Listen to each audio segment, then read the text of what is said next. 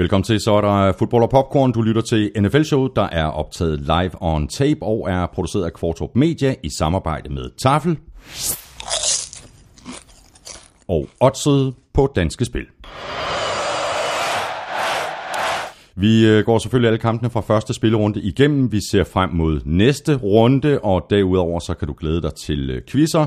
Fantasy fra Korsmed, det Quiz fra Amstrup, ugen spiller for Tafel, spiltip for Elming, og så selvfølgelig øh, Oddset quizzen på Danske Spil, hvor vi skal se, om der er nogen, der har ramt rigtigt, så vi kan få sendt et øh, free bet på 200 kroner afsted. Du finder os de øh, sædvanlige steder, og det er på gulklud.dk, på nflsod.dk, i SoundCloud, og som noget nyt også på Stitcher. Og så er der selvfølgelig den oplagte løsning, og det er at abonnere i iTunes, eller der, hvor du nu foretrækker at hente dine podcasts. Tak for de øh, seneste anmeldelser i iTunes, og kæmpe stor tak til alle, der støtter os med et valgfrit beløb på tier.dk eller via det link, der ligger på nflshowet.dk. Tak fordi du downloader og lytter og bruger lidt af din tid sammen med os. Jeg hedder Thomas Kvartrup, og her kommer min medvært, der er rigtig glad i dag. Skål Vikings, let's win this game. Skål Vikings, honor your name. Er det, er det ikke rigtig, Claus Elming? Er du ikke i øh, højt humør? Da, da. Jeg er så glad. Da, da, da, Ja, det er da utroligt, der ikke skal andet til en lille sejr i NFL, for at du er helt oppe at ringe. Er det jo så vanvittigt, de her 17 uger, ikke? plus slutspillet. Det er jo, det er jo, det er jo livet i en nødeskal. Ikke? Og så prøv at tige stille.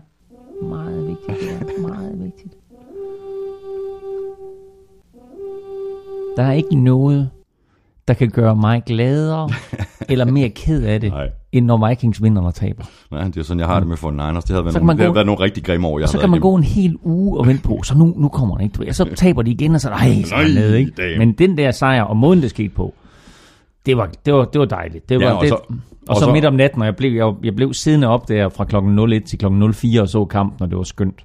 Dejligt. Og, så, og du vandt også i fantasy. Det er, det er næsten en endnu større historie, ikke? Jeg spiller med i tre ligaer, øhm, og jeg vil sige, øh, øh, reelt set er det en for meget, fordi jeg har sådan lidt svært ved at fokusere på tre forskellige ligaer. Og der sker også det, at man jo har nogle spillere i en liga, som man så spiller mod i en anden liga. Og så bliver man sådan helt, åh oh, nej, men hvad skal man... Altså, Ja, præcis. Hvad skal man sidde og håbe på? Ja, men jeg gik faktisk to og en, så øh, jeg vandt men, to. men, du, men du vandt i vores liga. Jeg vandt i vores liga. Og du scorede endda flest point. Det, hvad, Du hvad, what? hvad sker der? Og jeg blev svinet til under draften. Der er bare flere, der sagde, Elming han er helt væk. Ikke? Nå, jeg, jeg har ikke engang set, at jeg scorede flest point. Men Jo, det jo. var da dejligt. Ja, ja. ja godt. Sådan er det. Vi skal have gang i nogle, øh, vi skal have gang i nogle tips, øh, Ja. og jeg kan lige så godt sige det med det samme. Øh, vi begynder at være en lille bitte smule low, så jeg skal omkring øh, tafel, og de har allerede... Ja, ja, det er dine yndlings. Chili cheese rings. Ja. Ny favorite. American Range, Ja. American, og der er chili banase. of course. Hov, jeg har en historie, jeg skal fortælle. Ja, kom. Øh, holiday. Og er det din Super Mix Barbecue? Var det den nye, du var fan af? Nej, det, Øh, det var ikke den der super, men den er også, den kan du også det, er super, det er super snacks. Det er super snack, du ja, kan lide. præcis. Okay, godt. Ja. Nå, prøv at høre, jeg lagde et billede op på Twitter. øh, så du det? Jeg så det godt. Øhm, og der er mange, der reagerede på det derinde og skrev sådan, Og jeg retweetede den også inden for NFL-showet. super. Øh, og det var jo en lille, det var en lille haps, og det var en lille godbid. Øh, hvad, hvad vil du på, det var? Jamen, det ved jeg ikke, der var, nogle, øh, der var, rig, der var, der var mange bud, om det var nogle øh, popcorn Ja. ja. med kaviar Ja. ja. på, øh, Ja. ja. om det var sådan ris, øh, Ja. riskage, riskiks øh, Ja. ja. med, med, med kaviar på. Øh, Øh, nu skal du høre. Jeg var på en, en vanvittig lækker restaurant i København, der hedder The Alchemist. Og øh, bare lige for at sætte rammerne for, hvad det her det var, så fik vi 45 retter.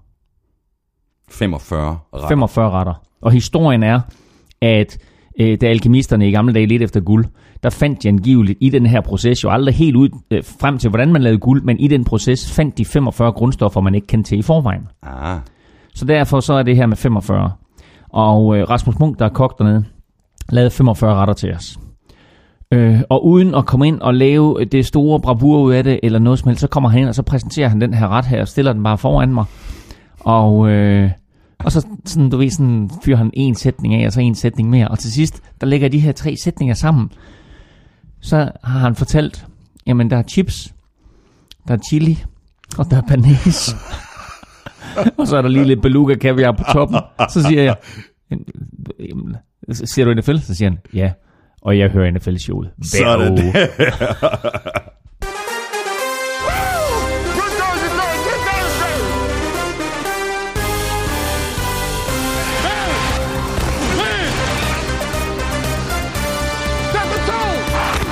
Ja, så fik vi endelig taget hul på NFL-sæsonen 2017. Det væltede med imponerende rookie-præstationer, og du har med garanti ikke hørt det sidste til Kareem Hunt, Tarek Cohn, Leonard Fournette, Dalvin Cook og TJ Watts.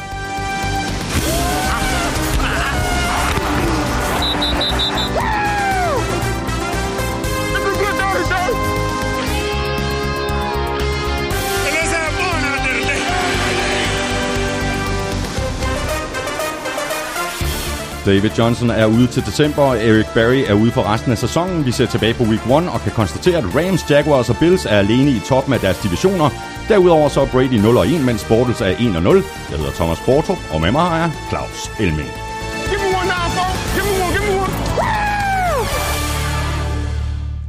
Og Claus, øh, selvom det er første gang i rigtig lang tid, at vi skal tale rigtig fodbold, så lad os øh, lige begynde med nogle overskrifter. Andreas Knappe øh, kom som bekendt ikke på Falcons roster, men it ain't over yet.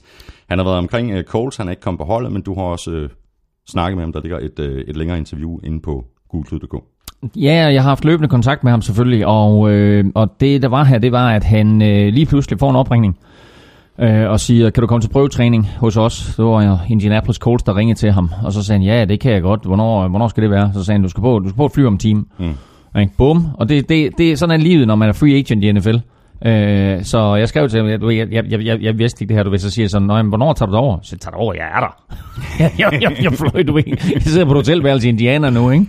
Øh, så, øh, så han var til prøvetræning, og det gik angiveligt super, super godt. Altså, der var kun lovprisende ord fra trænerne og alle, de, øh, alle det personale, han mødte i øh, Indianapolis. Men de har lidt udfordringer lige nu med deres trupsammensætning og antallet af skader. Mm. Fordi du kan ikke bare fritstille spillere, der er skadet. Nej. Så de er lidt nødt til øh, at vente på, at der måske er nogle spillere, der kommer tilbage fra skade, og så vurdere, er det nogen, vi ønsker at beholde i truppen. Mm. Og er det ikke det, så kan de blive værfet ud, og så kan der blive plads til Andreas. Men det fede her, det er, at han ikke er glemt.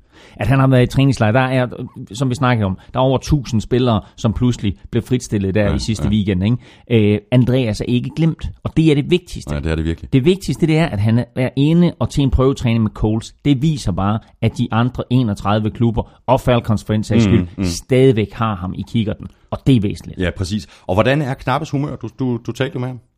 Jamen altså, det var jo helt nede og vende, efter han øh, ikke kom på hold hos Nej, Falcons. Øh, men altså, fortrøstningsfuld glad og, og den samme indstilling til det. Jeg arbejder videre, siger han. Træner hårdt, holder mig i form. Øh, og, øh, og så har han jo både øh, hos Falcons og sikkert også hos Colts jo nok fået et par pointers til, hvad, hvad han skal arbejde lidt mere på. Og som han sagde til mig, jamen jeg ved jo, jeg har fået at vide, siden jeg begyndte at spille fodbold, ikke? og manden han er jo 2 meter og 5 og vejer 148 kilo. Jeg har fået at vide, jeg skal spille lavere. Jeg skal ja. lidt længere ned i knæ. Jeg skal Ja, ned ja, ja, og, og have et lavere tyngdepunkt. Mm. Og det er bare svært øh, på den måde, han spiller på. Men altså, jeg må sige, øh, han ser godt ud. Og øh, han, han virker stadigvæk motiveret. Øh, og som sagt, så er der andre klubber, der holder øje med ham, og det er vigtigt. Han er så tæt på, ikke? Han er virkelig tæt på. Ja, det er han altså. Lad os bare lige, øh, nu, nu kan det være, at han kommer til Coles på et øh, tidspunkt. Det kan også være, at han lander et, et helt andet sted. Men lad os bare lige holde os til, til Coles. Øh, Mm. De mangler stadigvæk øh, Andrew Luck, og det kunne man så også godt se i den her kamp ude mod, mod Rams. Øh, den runder vi, den kamp mm. senere. Mm. Men det er skidt for Coles, at de er uden Andrew Luck, og der kan gå en måned, inden han kommer tilbage. Ja, det er skidt, men prøv at høre, når vi nu kommer til, til, til Colts, som jo fik stor tæsk af, af Rams, så er Andrew Luck jo ikke det eneste problem. Altså det hold, det halter. Mm. Øh, og det har vi vidst i nogle år. Øh, det vindue, det lukkede meget, meget hurtigt for Colts. Og nu er der en kæmpe genopbygningsproces, og vi har talt om de her hold, der er i genopbygningsproces. Titans, Jaguars, Browns, 49ers, Bills, Jets. Vi er jo nødt til at tage Colts med dagen. De, Mm. Det er et hold med i NFL-standarder utrolig lidt talent. Mm. Og så, øh, når vi nu alligevel har fat i øh, skaderne, så lad os runde øh, en af de helt store skader fra week 1. Cardinals running back David Johnson, han kan være ude i op til 10 uger med en skade i sin øh, ene hånd, og det er mildt sagt en katastrofe for, for, for Cardinals. Ja, det seneste jeg hørte, det var, at han, øh, han angiveligt jo øh, skader håndledet i, i kampen imod Lions, og, øh, Og det er, det er venstre hånd, han er højrehåndet, men, men stadigvæk. men stadigvæk, og øh, vælger så at spille videre, og så får han et skrald mere, og øh, brækker jo angiveligt håndledet, mm. øh, skal opereres, og er ude som minimum jo øh, 10 uger, øh, måske helt op til 12, og altså, hvis Cardinals får en lortesæson, så kan det være, at de bare lukker ham ned. Ja. Og så sige, vi ses til næste år. Og øh, det, er, det er noget lort for David Johnson, det er noget lort for Cardinals, og så er det noget lort for alle, For for alle fantasy-spillere. ikke? Ja, fordi han er blevet draftet nummer et i 99% af alle ligaer. Ja. Og ind i øh, stedet for David Johnson, der bliver det så Kevin Williams, øh, som starter, Andre Ellington som second string, mm. og så har de så øh, signet Chris Johnson igen. Også kendt som CJ Close to 1K. uh, ja, altså uh, Chris Johnson uh, kom ind uh, for er det to år siden hos Cardinals og gjorde det egentlig okay. Det var og, rigtig godt. Øh, så havde han en, en øh, ja, en sowieso sæson, ikke? og så blev han kottet. Mm. Og øh, nu har de så valgt at sige, okay, jamen, altså, her er en mand, der kender systemet, har trods alt lidt benzin tilbage i tanken, men, øh, men altså, kommer han til at få en afgørende rolle? Nej, altså Nej, det her det- det bliver Andre Ellington og Kevin Williams. Ja, det- Men der er ikke nogen af de der tre, der, som på nogen måder Ikke er i nærheden giver, af David Johnson. giver Cardinals, øh, hvad David Johnson giver dem. Så en øh, katastrofe for Cardinals øh, og så også en øh, katastrofe for Chiefs. Deres forsvar, de mistede øh, safety Eric Barry. Den sejr over Patriots, der var en dyr.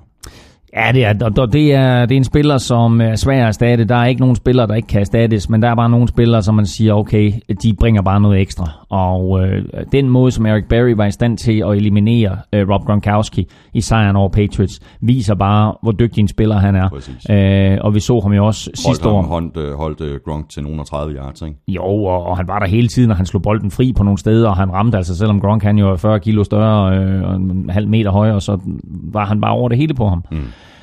Um, men han var jo comeback player of the year sidste år, og øh, har jo, er jo kommet over kræfter og kommet tilbage, og nu får han så den her akilleskade, som øh, lukker ham ned fra sæsonen. Det er, det er ærgerligt. Det er virkelig, virkelig ærgerligt for Chiefs, fordi Chiefs så godt ud angrebsmæssigt, de så godt ud forsvarsmæssigt. Det var, øh, er stadigvæk naturligvis, vi kan ikke øh, afskrive dem, men altså, det er stadigvæk et hold med, med Super Bowl aspirationer.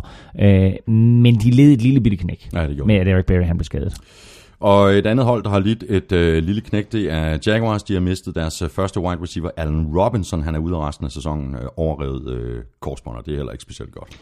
Ej, det, og det er virkelig, virkelig ærgerligt også, fordi Jaguars får den start på sæsonen, som de gør. Altså deres sejr over Texans er jo fabelagtig. Vi har siddet og talt deres forsvar op i to år. Mm. Vi har siddet og talt om alle de her navne på det forsvar, og så går de ud, og så leverer det forsvar en præstation, der lever op til alle de navne. 10-6 mm. imod Texans. Øh, og euforien over sejren, euforien over de her 10-6, euforien over forsvaret, euforien over at vinde i Houston, øh, euforien over at ligge nummer 1 i AFC South, går måske en lille bitte smule fløjten, fordi Allen Robinson går ned. Ja. De har et godt forsvar, de har stadigvæk udfordringer på angrebet, øh, og så bliver Allen Robinson skadet. Øh, og det er ærgerligt for, øh, for, for, for Jacksonville, det er ærgerligt for Bortles, det er ærgerligt for, for, for hele holdet. Øh, det her det, er- det er et- et Jaguars-mandskab, som har chancen for at tage mm. et meget, meget stort skridt i år. Og så videre til øh, Bears, de mistede jo Cam Meredith i øh, preseason. Nu er afløseren Kevin White så også ude med et øh, brækket kravben. Øh, han er blevet sat på injured reserve, men kan måske komme tilbage efter week 8, sådan mm. som jeg har kunnet læse mig frem til. Mm. Øh, ja, og det er jo det her nye med, med Injured Reserve, øh, som vi også nævnte i sidste uge, at man kan smide en masse spillere på Injured Reserve, og så kan man altså hive to tilbage. Øh, og der vurderer Bears selvfølgelig i løbet af sæsonen, om, om han når at blive klar. Mm. Han har brækket kravbenet, ja. og øh, det har jeg selv lige været igennem, så det er ikke noget, altså det, det er selvfølgelig voldsomt. Øh, men det er noget, man, man hurtigt kan komme sig over. Mm. Det der så er øh, med et brækket kravben, det er, at, at er, du, er du cykelrytter eller, eller et eller andet, så, er der, så skal du vælte igen for at blive ramt på det kravben. Men i NFL, der har du en skulderbeskytter på, og den rammer folk, og du rammer med den, øh, så du får altså hele tiden et pop på det der Ja, kravben. ja, så det skal være 100% i orden, før du, øh, før du stiller op igen. Og så har Ravens running back øh, Danny Woodhead øh, pådraget sig en øh, seriøs forstrækning. Jeg har ikke lige kunne se, hvor længe han øh, sidder ude. Men indtil han kommer i tur, så er det så øh, Terrence West og Javorius Buck Allen, der, der, der har backfielden. Ja, og jeg tror, at meldingen er 6-8 uger også her. Mm. Uh, og det er ærgerligt, fordi den Woodhead øh, stod foran en, en, øh, en stor sæson. Uh, han er altid bare et godt våben, uanset hvor han er henne. Uh, når han løber bolden, er han effektiv, men især når han griber bolden, er han effektiv. Så uh, det, var, det, det, det, det er et lille slag for dem, det er klart. Uh, men altså, Terrence West var starteren, uh, Danny Woodhead, skulle ligesom have været sådan en change of pace back. Uh, men at miste ham, og på nuværende tidspunkt, er lidt ærgerligt. Og så et, øh, jeg ved ikke om det er et lille slag eller et stort slag, jeg hælder mest til, det er et af de større. Det er 49ers rookie linebacker Ruben Foster, som spillede øh, kanon i weekenden, inden han blev skadet i kampen mod Panthers. Han er ude med en knæskade, øh, og den er ikke helt lige så alvorlig, sådan som det så ud til i første omgang, da man så mm. billederne, fordi det, det, så, øh, det så rigtig grimt ud. Men han siger selv, at han er tilbage i løbet af to til fire uger. Ja, og jeg så ham der stod op på sidelinjen. Mm. Så, øh, så på den måde, at der var, der var det ikke sådan noget med, at de var overbekymrede og, og øh, lagde ham i en eller anden form for, for skin eller noget. Altså, øh, han så virkelig god. Han har set rigtig godt ud i preseason, leveret nogle kæmpe skrald. Han åbner kampen øh, i søndags imod Panthers med et kæmpe skrald. Ja. Øh, så øh, han er the, the real deal øh, og et steal for, øh, for Fort Niners, der hvor de fik ham i draften. Så han, han kan godt gå hen og blive en rigtig, rigtig dygtig spiller for dem, og dejligt at høre, at det kun er en forstrækning, mm. og ikke øh, en eller anden form for overrevet ledbånd eller korsbånd. Slut med, øh, med skaderne, der er flere snaksen, men øh, vi runder ikke flere af dem øh, lige nu. Øh, jeg læste her til morgen, at øh, Brian Cushing fra Texans har fået 10 spilledags karantæne mm. for brug af ulovlige stoffer der i den sæson. Ja, det overrasker ikke nogen, vel, når du ser på ham. Altså, både, både hans bygning og hans attitude. Øh, det er jo anden gang, at han øh, ryger i, i dopingfælden, og øh, der er NFL jo så lempelig, så første gang, der får du fire kampe, anden gang, der får du 10 kampe, mm. øh, og tredje gang, der øh, er du enten ude i et par år, eller, eller for livstid. Øh, men han har fået 10 kampe spil, øh, 10 spilledags karantæne nu, og øh, Øh, det er ikke godt for Texans mandskab, som på ingen måde så godt ud mod Jaguars. Øh, forsvaret er deres styrke, og øh, han vil blive savnet, men de kan godt erstatte ham. Mm. Øh, til gengæld så må han altså også øh, stå derhjemme og, og slå hovedet ind i væggen i øjeblikket, fordi øh, udover at få 10 spildags karantæne, så bliver du trukket i løn. Og øh, Cushing har en, en ret stor aftale med, øh, med, med Texans, så det her det kommer til at koste ham i omegnen af 4 millioner dollars, eller omkring 30 millioner kroner. Øh, og det er ren løn. Mm, øh, og så kan det være, at Texans de, øh, siger, okay, men der er altså noget af din signing bonus, som, som vi skal have igen, fordi han har altså underskrevet en, jeg tror det er en fireårig kontrakt, og hvis de så siger, at altså, øh, det er, altså det, det er øh, en femtedel af det cirka, ikke? Ja. som vi skal have tilbage i din signing bonus øh, på grund af det her, så er der altså endnu flere penge, han mister. Det er jo en, det er en dyr sprøjte. Det må man sige. Det er en dum sprøjte og en dyr sprøjte. ja, præcis. Så øh, har øh, NFL øh, offentliggjort listen over navne, der er nomineret til Hall of Fame. De har fucket op, Claus. Ja, det har de. Igen. Ja, og, og vi nævner ikke nogen af de store stjerner, som vi forventer at komme ind. Jeg vil bare sige, at det er godt, at Morten Andersen han kom ind sidste år, fordi han var ikke kommet ind med den liste, der er i år. Nej. Men de har nomineret øh, Steve Smith, ja, øh, men, ikke, det... men ikke Steve Smith senior. Nå, hvem så? Ja, det er en anden Steve Smith. Nå. Han har spillet for, jeg tror, Giants og Eagles, og øh, jeg tror, han spillede for, for Rams, dengang de var i St. Louis. Og jeg må bare sige, hans stats, øh, jeg tror, jeg har skrevet ned, 2.641 receiving yards i karrieren og 12 touchdowns. Det er, det er markant mere, end, end vi har, Claus. Men det er ikke helt nok til at komme i Hall of Fame. Nej, men det der var med Steve Smith, nummer to, det var, at øh, apropos det her med at spille fantasy football, så er der mange igennem tiden, der har taget fejl af Steve Smith den rigtige, og Steve Smith den forkerte. Og det har NFL's Hall of Fame-komité åbenbart også. Så selvom Steve Smith, den rigtige, blev pensioneret sidste år, ja, og altså skal vente i fem år, inden han kan blive nomineret til Hall of Fame, så var der nogen i Hall of Fame, der sagde, Steve Smith, han er god. Han, han skal ind. Ind med ham. Og så har de gået hjælpe nomineret Steve Smith den forkerte. Det er simpelthen så pinligt. Jamen, det er helt vanvittigt. Altså, det, det er næsten værre, ja, end at stave Morten Andersens navn forkert. ja, præcis. Så kan vi lige nappe nogle spørgsmål, øh, Claus. Det første af slagsen, det kommer fra Rasmus Peter Larsen. Øh, første runde havde mange spændende running back præstationer, og jeg kunne godt tænke mig at høre jeres bud på, hvem der får den bedste sæson. Bliver det Beast Mode eller Todd Gurley? Begge ser stærke ud.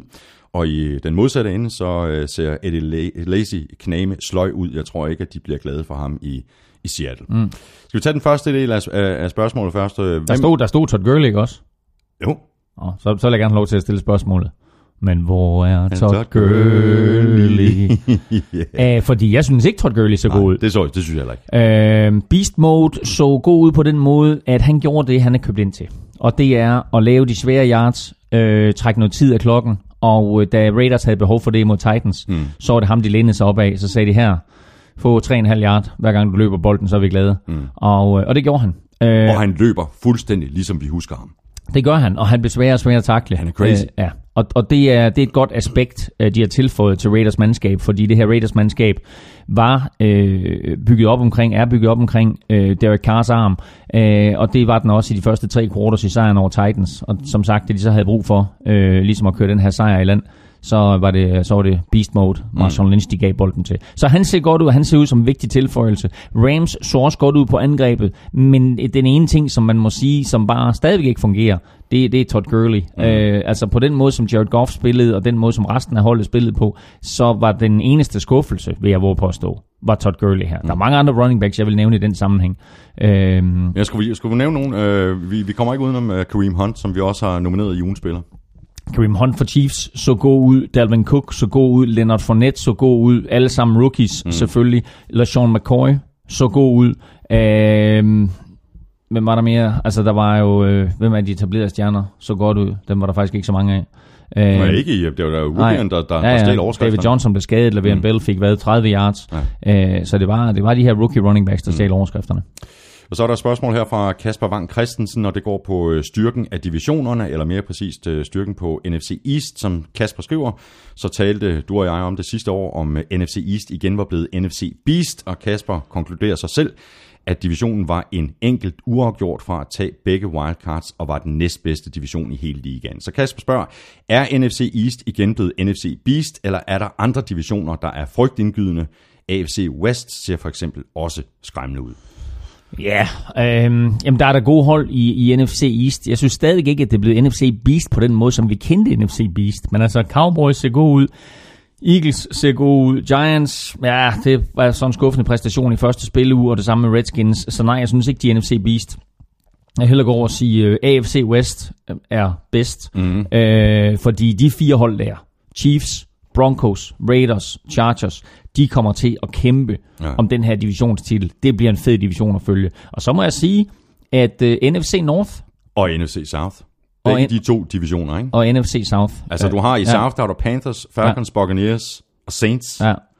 Og så har du i North øh, Packers, Vikings, Lions, og så har du Bears. Jamen Bears skal du ikke afskrive, fordi altså, hvis Bears var en indikation af, det, Bears spil imod Falcons var en indikation af, hvor de er henne, så kan de godt komme til at drille en hel del mandskab. Mm. Jeg siger ikke, at de får en, øh, en 8-8-sæson, eller overhovedet nærmer sig slutspillet, men de kan godt vinde fem eller seks kampe, og de kan godt komme til at drille nogle af de helt store. De var en tabt bold fra at slå Falcons i spil U1. Ja, ja, det var de. Rasmus Smedegaard spørger, l- ud over Bill Belichick og Tom Brady, hvem ser I så som den bedste quarterback og head coach duo i NFL? Vi kommer ikke uden om Rodgers og McCarthy. Nej, det starter selvfølgelig med quarterbacken. Altså, det, det, det, gør det jo lidt. Øh, Det er, svært at være en, det er svært at være en meget, meget succesfuld head coach, medmindre du har en rigtig god quarterback. Mm. Så det er klart, at, at øh, Mike McCarthy og Aaron Rodgers, det, det, det, det skal være en duo, man nævner. Jeg vil også nævne uh, Sean Payton og Drew Brees. Mm. Altså det, de har præsteret sammen. Uh, hvis man sådan skulle provokere lidt, kunne man så sige Adam Gase og Jay Cutler. Det kunne man da sagtens. Fordi nu, Altså, nu har vi ikke set dem spille Nej, endnu. nej, nej, ikke, nej. Altså Miami sad over i weekenden, fordi Irma, hun ligesom øh, var, var forbi og, og, og skubbe lidt til Miami. Men de har gjort det godt tidligere, ikke? de gjorde det super godt, da Adam Gase var offensiv koordinator hos Bears, og ligesom tog den her Jay Cutler øh, og sagde, nu gør vi det på min måde, mm. og så bliver du en skide god quarterback, og jeg ender med at blive head coach et eller andet sted. Mm. Så de to har været gode for hinanden. Nu er de sammen i Miami. Vi har ikke set dem spille endnu. Men altså, lad os, lad os, tage, lad os tage spørgsmålet Som op igen som- som om, om, øh, Ja, om, ja. om 16 uger, ikke? Jo. og så sige, er det en god kombination, ja. det her? Hvad med Steelers? Big Ben? Selvfølgelig. Tomlin? Mike, Mike Tomlin og Big Ben, hvad de har præsteret. Altså, de har jo, og det der er, ikke, det er, at de selvfølgelig er blevet overskygget af Patriots alle de her år, men prøv at se, hvor gode Steelers har været under hele Mike Tomlin, mm. og for den sags skyld hele vejen igennem, at, øh, at Ben Roethlisberger har været der, for han kom ind under head coach Bill Cowher, og så overtog Mike Tomlin for Bill Cowher. Alle de år har Steelers jo været konkurrencedygtige. Mike Tomlin har sørget for at omgive uh, Big Ben med, med nogle uh, ganske ok våben, og, man så, sige ja og så har forsvaret været sådan lidt op og ned. Ja. Øh, men nu ser det ud til at være der. Det her det er et Steelers mandskab, der set i lyset af, at uh, Patriots tabte i weekenden, øh, øh, øh, altså kan lukke blodet, ikke? Mm. Og, øh, og, og, og håbe på, at, at det her det er, Ja, det er året. det er året, og måske den sidste chance Big Ben han får for at vinde Super Bowl. Så er der øh, to spørgsmål angående øh, anfører eller kaptajner. Øh, Victor Elefsen spørger, hvad betyder det C med tilhørende stjerner, som nogle spillere har på deres øh, jerseys? Og Andreas Engberg spørger, hvad er den egentlige praktiske grund til at have kaptajner, og, hvor laver, og hvad laver de andet end bare at have titlen? Har kaptajnerne de samme funktioner på de forskellige hold? C'et og stjernerne mm. på jerseyen, Claus. Jamen øh, kort fortalt, så når du bliver kaptajn, så får du det her øh, lille markat, det er et kvadratisk markat på, øh, på brystet, hvor der står et stort C på, og øh, første øh, år, så får du en, en stjerne, øh, og for hvert år, du har været kaptajn, der får du en ny stjerne, og der er plads til fire stjerner, øh, og når de fire stjerner er fyldt ud, så bliver emblemet guld, og så kan man se at øh, en spiller har været kaptajn i mere end fire år. Så alle dem, der løber rundt med sådan en emblem i guld, de har altså været kaptajner i mere end fire år. Øh, rollerne, øh, nogle hold er jo fuldstændig ligeglade og nominerer nye kaptajner til, til hver kamp, ligesom for at sige, at det er en holdsport, og vi alle sammen øh, i det her sammen. Andre, andre for, for Niners, øh, de kommer til, og, og han kommer til Carl Shanahan, han udpeger sådan kaptajner alt efter, hvem de spiller imod. Så hvis de har en spiller ja. på holdet, som har spillet ja. for, for modstanderen ja. på et tidspunkt, så er de kaptajner. Ja, og den, den, den lille provokation har man set øh, flere gange. Ikke? Ja. Øhm, andre de siger, okay, men altså det her det er lederne på holdet. Det er dem, som, øh, som vi ønsker, der repræsenterer mandskabet, både i omklædningsrummet, men også på banen. Øh, og der er jo altså et, øh, det her med at gå ud til, øh, til, til lodtrækningen inden kampen. Øh, det er en opgave, man har. En anden opgave er selvfølgelig, og i det øjeblik, der er en straf, men så er det ofte kaptajnen selvfølgelig i en eller anden form for dialog med headcoach, men det er ham, der vælger, skal vi modtage straffen, eller skal mm. vi vælge bare at annullere den. Øh, en tredje ting er jo den direkte dialog med dommerne. Egentlig er det ulovligt for alle spillere og, øh, og øh, tale eller, eller for den sags skyld råbe af dommerne øh, under kampen, undtagen kaptajnen, som godt må have en dialog med ham. Øh, det ser man så sådan lidt øh, stort på, ikke fordi der sker en masse ting i sådan en fodboldkamp, og der mm, kan der så godt være lidt frustration eller den anden, som lige skal ud der. Men generelt så er, så er det jo kaptajnens rolle. Så har vi en øh, række spørgsmål angående O-line. Øh, Christian Norbæk øh, skriver, det er tidligt, ja vel, men bør Reese og Co. ikke spørge sig selv allerede nu, hvorfor de intet har gjort for at styrke den offensive linje i offseason. De kunne ikke løbe bolden, og Eli, Eli blev sækket flere gange, og han er simpelthen blevet for gammel til at kunne klare det. Det er et godt spørgsmål. Øh, jeg tror faktisk også, vi, vi, vi taler om, vi har adresseret det i, øh, i, mm. i optakten, Claus, at, øh, at den her O-line kan godt gå hen og blive Achilles hælen for det her Giants-mandskab. Ja, og øhm, nu vil jeg, egentlig, jeg vil egentlig have gemt det her til et senere tidspunkt, men lad os bare tage det op nu, fordi hvis jeg ser tilbage på den her spillerunde, så er den ene faktor, der står frem for mig som en svaghed, øh, som er direkte skyld i nederlag, det er, hvis et hold har en dårlig offensiv linje. Mm-hmm. Giants er et af dem. De havde øh, en, en pover offensiv linje i nederlaget til Cowboys. Colts talte vi om tidligere. Godt nok havde de ikke Andrew Luck, men altså øh, de to quarterbacks, der var inde og spille der, øh, Brissett og, og Tolzien, fik jo altså heller ikke meget hjælp af deres offensive linje. Så, så Giants og Colts, Bengals så forfærdeligt ud. Helt skrækkeligt. Lavede zero point, fik et æg. Deres offensiv linje var en katastrofe. Texans scorede 7 point og tabte, kunne hjælpe med til Jaguars. Deres offensiv linje var en katastrofe. Og Seattle Seahawks tabte til Green Bay Packers. Mm. En kamp, hvor Seahawks var favoritter. Og de havde en elendig offensiv linje. Så Seahawks, Nikolaj. Texans, Giants, Bengals, Colts tabte alle, og alle vil jeg våge påstå, at der er den ene faktor, som var, havde størst indvirkning på det nederlag, det var en dårlig offensiv linje. Mm. Sidste indspark øh, kommer fra Anders Christensen øh, på Twitter. Det er lidt mere en, en, en, en, det er mere en konstatering end et egentligt spørgsmål. Øh, to ting står klart efter denne uge, skriver Anders. NFL har ikke nok kvalitets quarterbacks, og holdene bør tage preseason seriøst. Alt for mange fejl. Et, jeg er enig i det med quarterbacks. Øh, det er en meget, meget svær situation, eller meget, meget svær position at spille, og øh, har du en god quarterback, så er der altså en væsentlig større chance for, at du vinder fodboldkamp, end, end hvis du ikke har en. Og kigger vi rundt omkring på ligaen, så er der måske hvad skal vi sige, halvdelen af holdene, der har en top quarterback. Mm. Øh, altså der er måske fem hold, der har en top top quarterback, så er der op til halvdelen, som har en top quarterback, og så er der 16 hold, som godt kunne tænke sig en opgradering. Var der nogen, der sagde Kaepernick? Ja. Øhm, han er stadigvæk ledet på markedet. Han er stadig ledet på markedet. Det er en skandale. Øhm, det er en skandale. Det er en skandale. Øhm, og så, hvad var andet halvdelen af spørgsmålet? Øh, så quarterback. Ja, lige præcis. Og holdene bør tage preseason seriøst. Ja. Det, ja, det kan man godt, øh, den kan man vinkle ind på på to forskellige fronter, ikke? Der er 16 kampe i grundspillet, og de 16 kampe er meget, meget vigtige. De fire kampe i preseason er fuldstændig ligegyldige.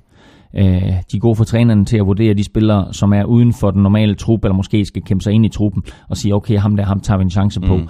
Men se, hvad der skete med øh, Odell Beckham Jr., ja. øh, og se, hvad der skete med et par andre store profiler, som bliver skadet i preseason, og er ude resten af sæsonen. Øh, derfor sparer man sine stjerner så meget som ja, muligt i preseason. Mere, og de bliver mere og mere forsigtige.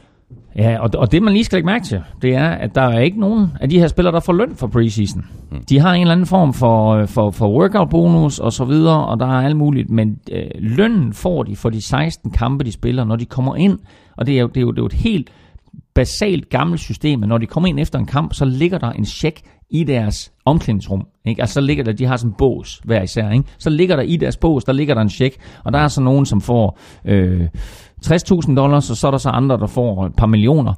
Øh, men der ligger en check der. Og det vil sige, at du får ingenting for at spille preseason. Du får lidt for at spille playoffs. Ingenting sammenlignet med grundspillet. Din løn bliver afregnet på de 16 uger, du spiller i grundspillet.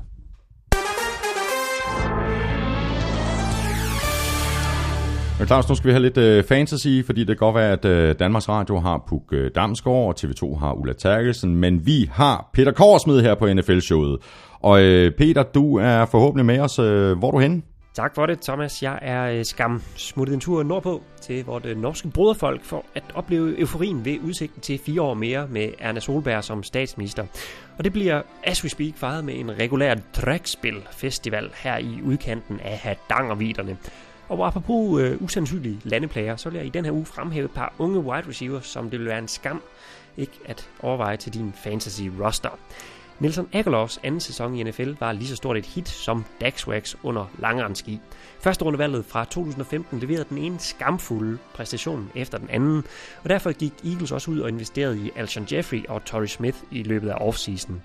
Aguilar har øjensynligt haft godt af den øgede konkurrence, for hans optakt til sæsonen har kørt som smurt i Nordsøolie. Og de gode takter, dem var han med over i sæsondebuten mod Redskins. 6 bolde for 86 yards og en enkelt touchdown blev det til. Hvis man fjerner hans 56 yards lange touchdown, så er præstationen mindre overvældende, men han fik altså hele 8 targets og nyder godt af at spille mere som slot receiver. Jeg vil bestemt ikke skamme mig over at have Aguilar på min roster. Hos Detroit Lions jubler man over årets tredje rundevalg Kenny Golladay. På samme måde som Bjørn Daly var skabt til at stå på ski, så ligner Golladay bare en mand, som er designet til at gribe bolde. Han kommer med garanti til at have sin udfald i løbet af sæsonen, og det er skamligt, at både Golden Tate og Marvin Jones er der til at stjæle Staffords opmærksomhed. Men Golladay har allerede bevist sig som et yderst pålideligt red zone target, og 7-8 touchdowns som rookie virker som et absolut realistisk scenarie. Dritkøl. Men jeg må løbe igen, Thomas. Øh, jeg har lavet mig fortælle, at den gode Erna Solberg, hun øh, kigger forbi nu her for at stå i barnen og lange shots af myseost over disken. Og er der noget, som lige kunne få stemningen til at løfte sig det sidste, så er det da kombinationen af stærk alkohol og gedevalle. Mit navn er Peter Korsmed, og jeg er Danmarks bedste og eneste fantasy-korrespondent. Og det, mest wacko. altså? Fuldstændig. Dax Wax under langrenski. Shots, shots af myseost, og så legendariske Bjørn Daly i, sa- i en og samme reportage. Bjørn Daly! Det er kun øh, Peter Korsmed, der, der leverer den blanding. Følg Korsmed på Twitter på Snablag Korsmed. Han giver også nogle gange øh, tips og tricks der, hvis du skriver til ham og spørger om råd. Vi skal have quizzen! Åh, Det er tid til quiz, quiz, quiz, quiz, quiz. Og det, det er jeg aller, allermest glad for, det er nu er vi i gang med, pre, med, med, med regular season, så er det slut med preseason, så skal jeg ikke til at sidde og forholde mig til et spørgsmål omkring noget preseason pis. det vil jeg ikke, ud- det vil jeg ikke udelukke. Nu er, det håber jeg ikke, det, det gider jeg ikke være med mere. Jeg lægger ud med min quiz her, Thomas, og øh, den hedder som følger. Øhm, det er meget, meget svært. Øh, ikke at blive skadet i NFL. Sådan er det bare. Man kommer til at tage en kamp hister her, hvor man lige må øh, sidde udenfor, øh, og øh, derfor så er øh, den statistik, øh, som Brett Favre han har med 297 kampe startet i træk, den er helt vanvittig. Han startede samtlige kampe fra 1992 til 2010. 297 kampe startede han i træk på quarterback-positionen. Det er mere end nogen anden. Hmm. Nummer to på den liste har næsten 100 kampe færre, eller 90 kampe færre. Peyton Manning har 208 kampe. Lillebror Eli, han trådte ind i det meget fine selskab øh, i weekenden. Han spillede sin kamp nummer 200. Og det var ham, I jeg træk. ville, og det var ham, jeg ville have gættet på. Nå, jamen det... Nej, nej. Så Eli, han, øh, han kom ind i det her fine selskab. Han har nu spillet 200 kampe i træk. Ah, Men en spiller i NFL ligger ganske tæt på ham med 177 kampe og er stadig aktiv. Hvem? Så kort fortalt. Can't do it. jeg vil have sagt Eli Manning. ja, ja, men han har 200. Ej. Men hvilken aktiv spiller ligger nummer 4 på listen Ah, ja. og har 177 kampe i træk og spiller stadigvæk? Damn, jeg er helt blank. Nå, okay, det er heldigvis uh, først om, om rigtig lang tid. Ja. Nu skal vi have det quizzen. Ja. Søren Armstrong han leverer hver uge, og i den her uge der har han så fået hjælp af Ravens offensiv koordinator Martin Morningwick. Ja. Den kommer her. Jeg tror, jeg ved, hvordan vi knækker Claus. Eller måske ved jeg delvist, om det er tid til en pause. Altså, det vi ved, er også det vi tror. Så de ved altså, at vi ved, at quizzer ikke er hans bord. Vi ved, at Chiefs What? knækkede Belichick og Brady, men hvordan? Det er jo det, jeg siger. Ingen ved det for fan. Men det står fast, at vi ved, at det er sket før. Godt så. For hvem var Chiefs head coach sidst de vandt i Boston? Jeg ved ikke, om du nyder rimene her. Godt så. Jo, jamen, Boston. jeg, jeg, ja, den, den, den er lidt søgt, men resten af rimet var godt, og, og forvirringen total. Det er Marty, der har været ind over Ja, præcis. Han er jo ikke så god til dansk. Øh, nej, præcis. Øh, jamen, den har jeg. Den har du. Ja. Hvor er det træls. Nej, det har jeg ikke. Bare, bare prøv lige at trykke på den der can do it knap. Okay. Can't do it. Det er godt, jamen ved du hvad, så øh, begynder vi at øh, kigge på, på kampene. Vi lægger selvfølgelig ud med øh, åbningskampen Thursday night mellem de forsvarende mester for Patriots og Chiefs, og mega fed kamp, Elming. Øh, Chiefs de vandt øh, 42-27, øh, og der er simpelthen så mange ting, som vi kunne tale om i den her kamp. Øh, men jeg synes, ikke fordi jeg har noget mod Patriots, men jeg synes simpelthen, det var så fedt, at Chiefs de vandt den her kamp. Jeg synes, det var den allerbedste åbning, vi kunne få på NFL-sæsonen 2017. Ja, og med fare for, at der sidder et hav af Patriots-fans derude og lytter med og sviner os til efterfølgende, for at vi ikke kan lide Patriots, så har det ikke noget som helst med det at gøre. Exactly. Selvom vi ikke kan. Nej, det passer ikke. Øh, det her var en fed start på NFL-sæsonen. Det, var det var en vigtig start på NFL-sæsonen. Det år, hvor, hvor, hvor, hvor Patriots fik Randy Moss ind og Delius Thomas, og de gik 16-0 og røg i slutspillet, og så på en eller anden måde heldigvis tabte i, i, i Super Bowl til Giants. Øhm, der var alle også overbevist om, at det her det er det, du slog lidt mandskab. Mm. Og det var folk også inden sæsonen her. Der skete jo nogle ting i preseason, som gjorde, at øh, Patriots vidste, at vi havde en udfordring på defensive end. Og den udfordring viste sig jo at holde stik, øh, og var jo også øh, rimelig afgørende for kampen, fordi de kunne ikke lægge pres på Chiefs. Udover det, så var Chiefs god offensivt, eller hvad hedder det, der var mange øh, gode ting på Chiefs offensiv, som de udnyttede, men øh, Chiefs defensiv var også øh, fremragende. Men de har lavet øh, Chris Long gå, de har lavet Jabal Sheard gå, Derek Barnett er skadet, Rob Ninkovic har trukket sig tilbage. Det her, det er et hold uden øh, superstjerner på defensive end. Der er masser af spillere rundt omkring, som gør det godt. Så mister de øh, Julian Edelman til en skade i preseason, mm. det her med at spille i preseason, eller ikke at spille i preseason.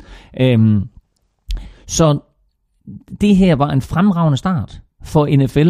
Øh, det var en fremragende start for os fans, og det var en fremragende start for alle de mandskaber, der selvom de siger, hey, vi har chancen i år, ja. så måske sådan dybt, dybt, dybt inde i sig selv tænkte, okay, de er virkelig gode, det der Patriots. Ja, og så især i, i Foxborough, ikke?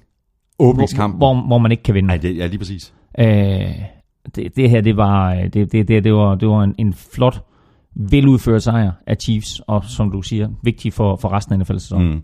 Jeg synes, det er tydeligt, at uh, Patriots de kommer, til at, de, de, de kommer til at mangle Julian Edelman. Ja, og også fordi Altså, Dan, det kan godt Dan, det Amendola blev også skadet jo. Præcis, Så, og, ja. og Danny Amendola selv rask, så er han ikke Julian Edelman. Nej, men han gjorde det godt, og øh, Brady benyttede ham i mange, mange af de samme situationer, som, øh, som, som Julian Edelman gør. Men altså, der er, der er flere holdkammerater for Patriots, hvor det var sådan no- notorisk, ellers er ret lukket land, så er der faktisk flere holdkammerater, der har været ude at sige, jeg tror faktisk, at Gronkowski var ude at sige det også, mm. øh, at man kan ikke erstatte Julian Edelman.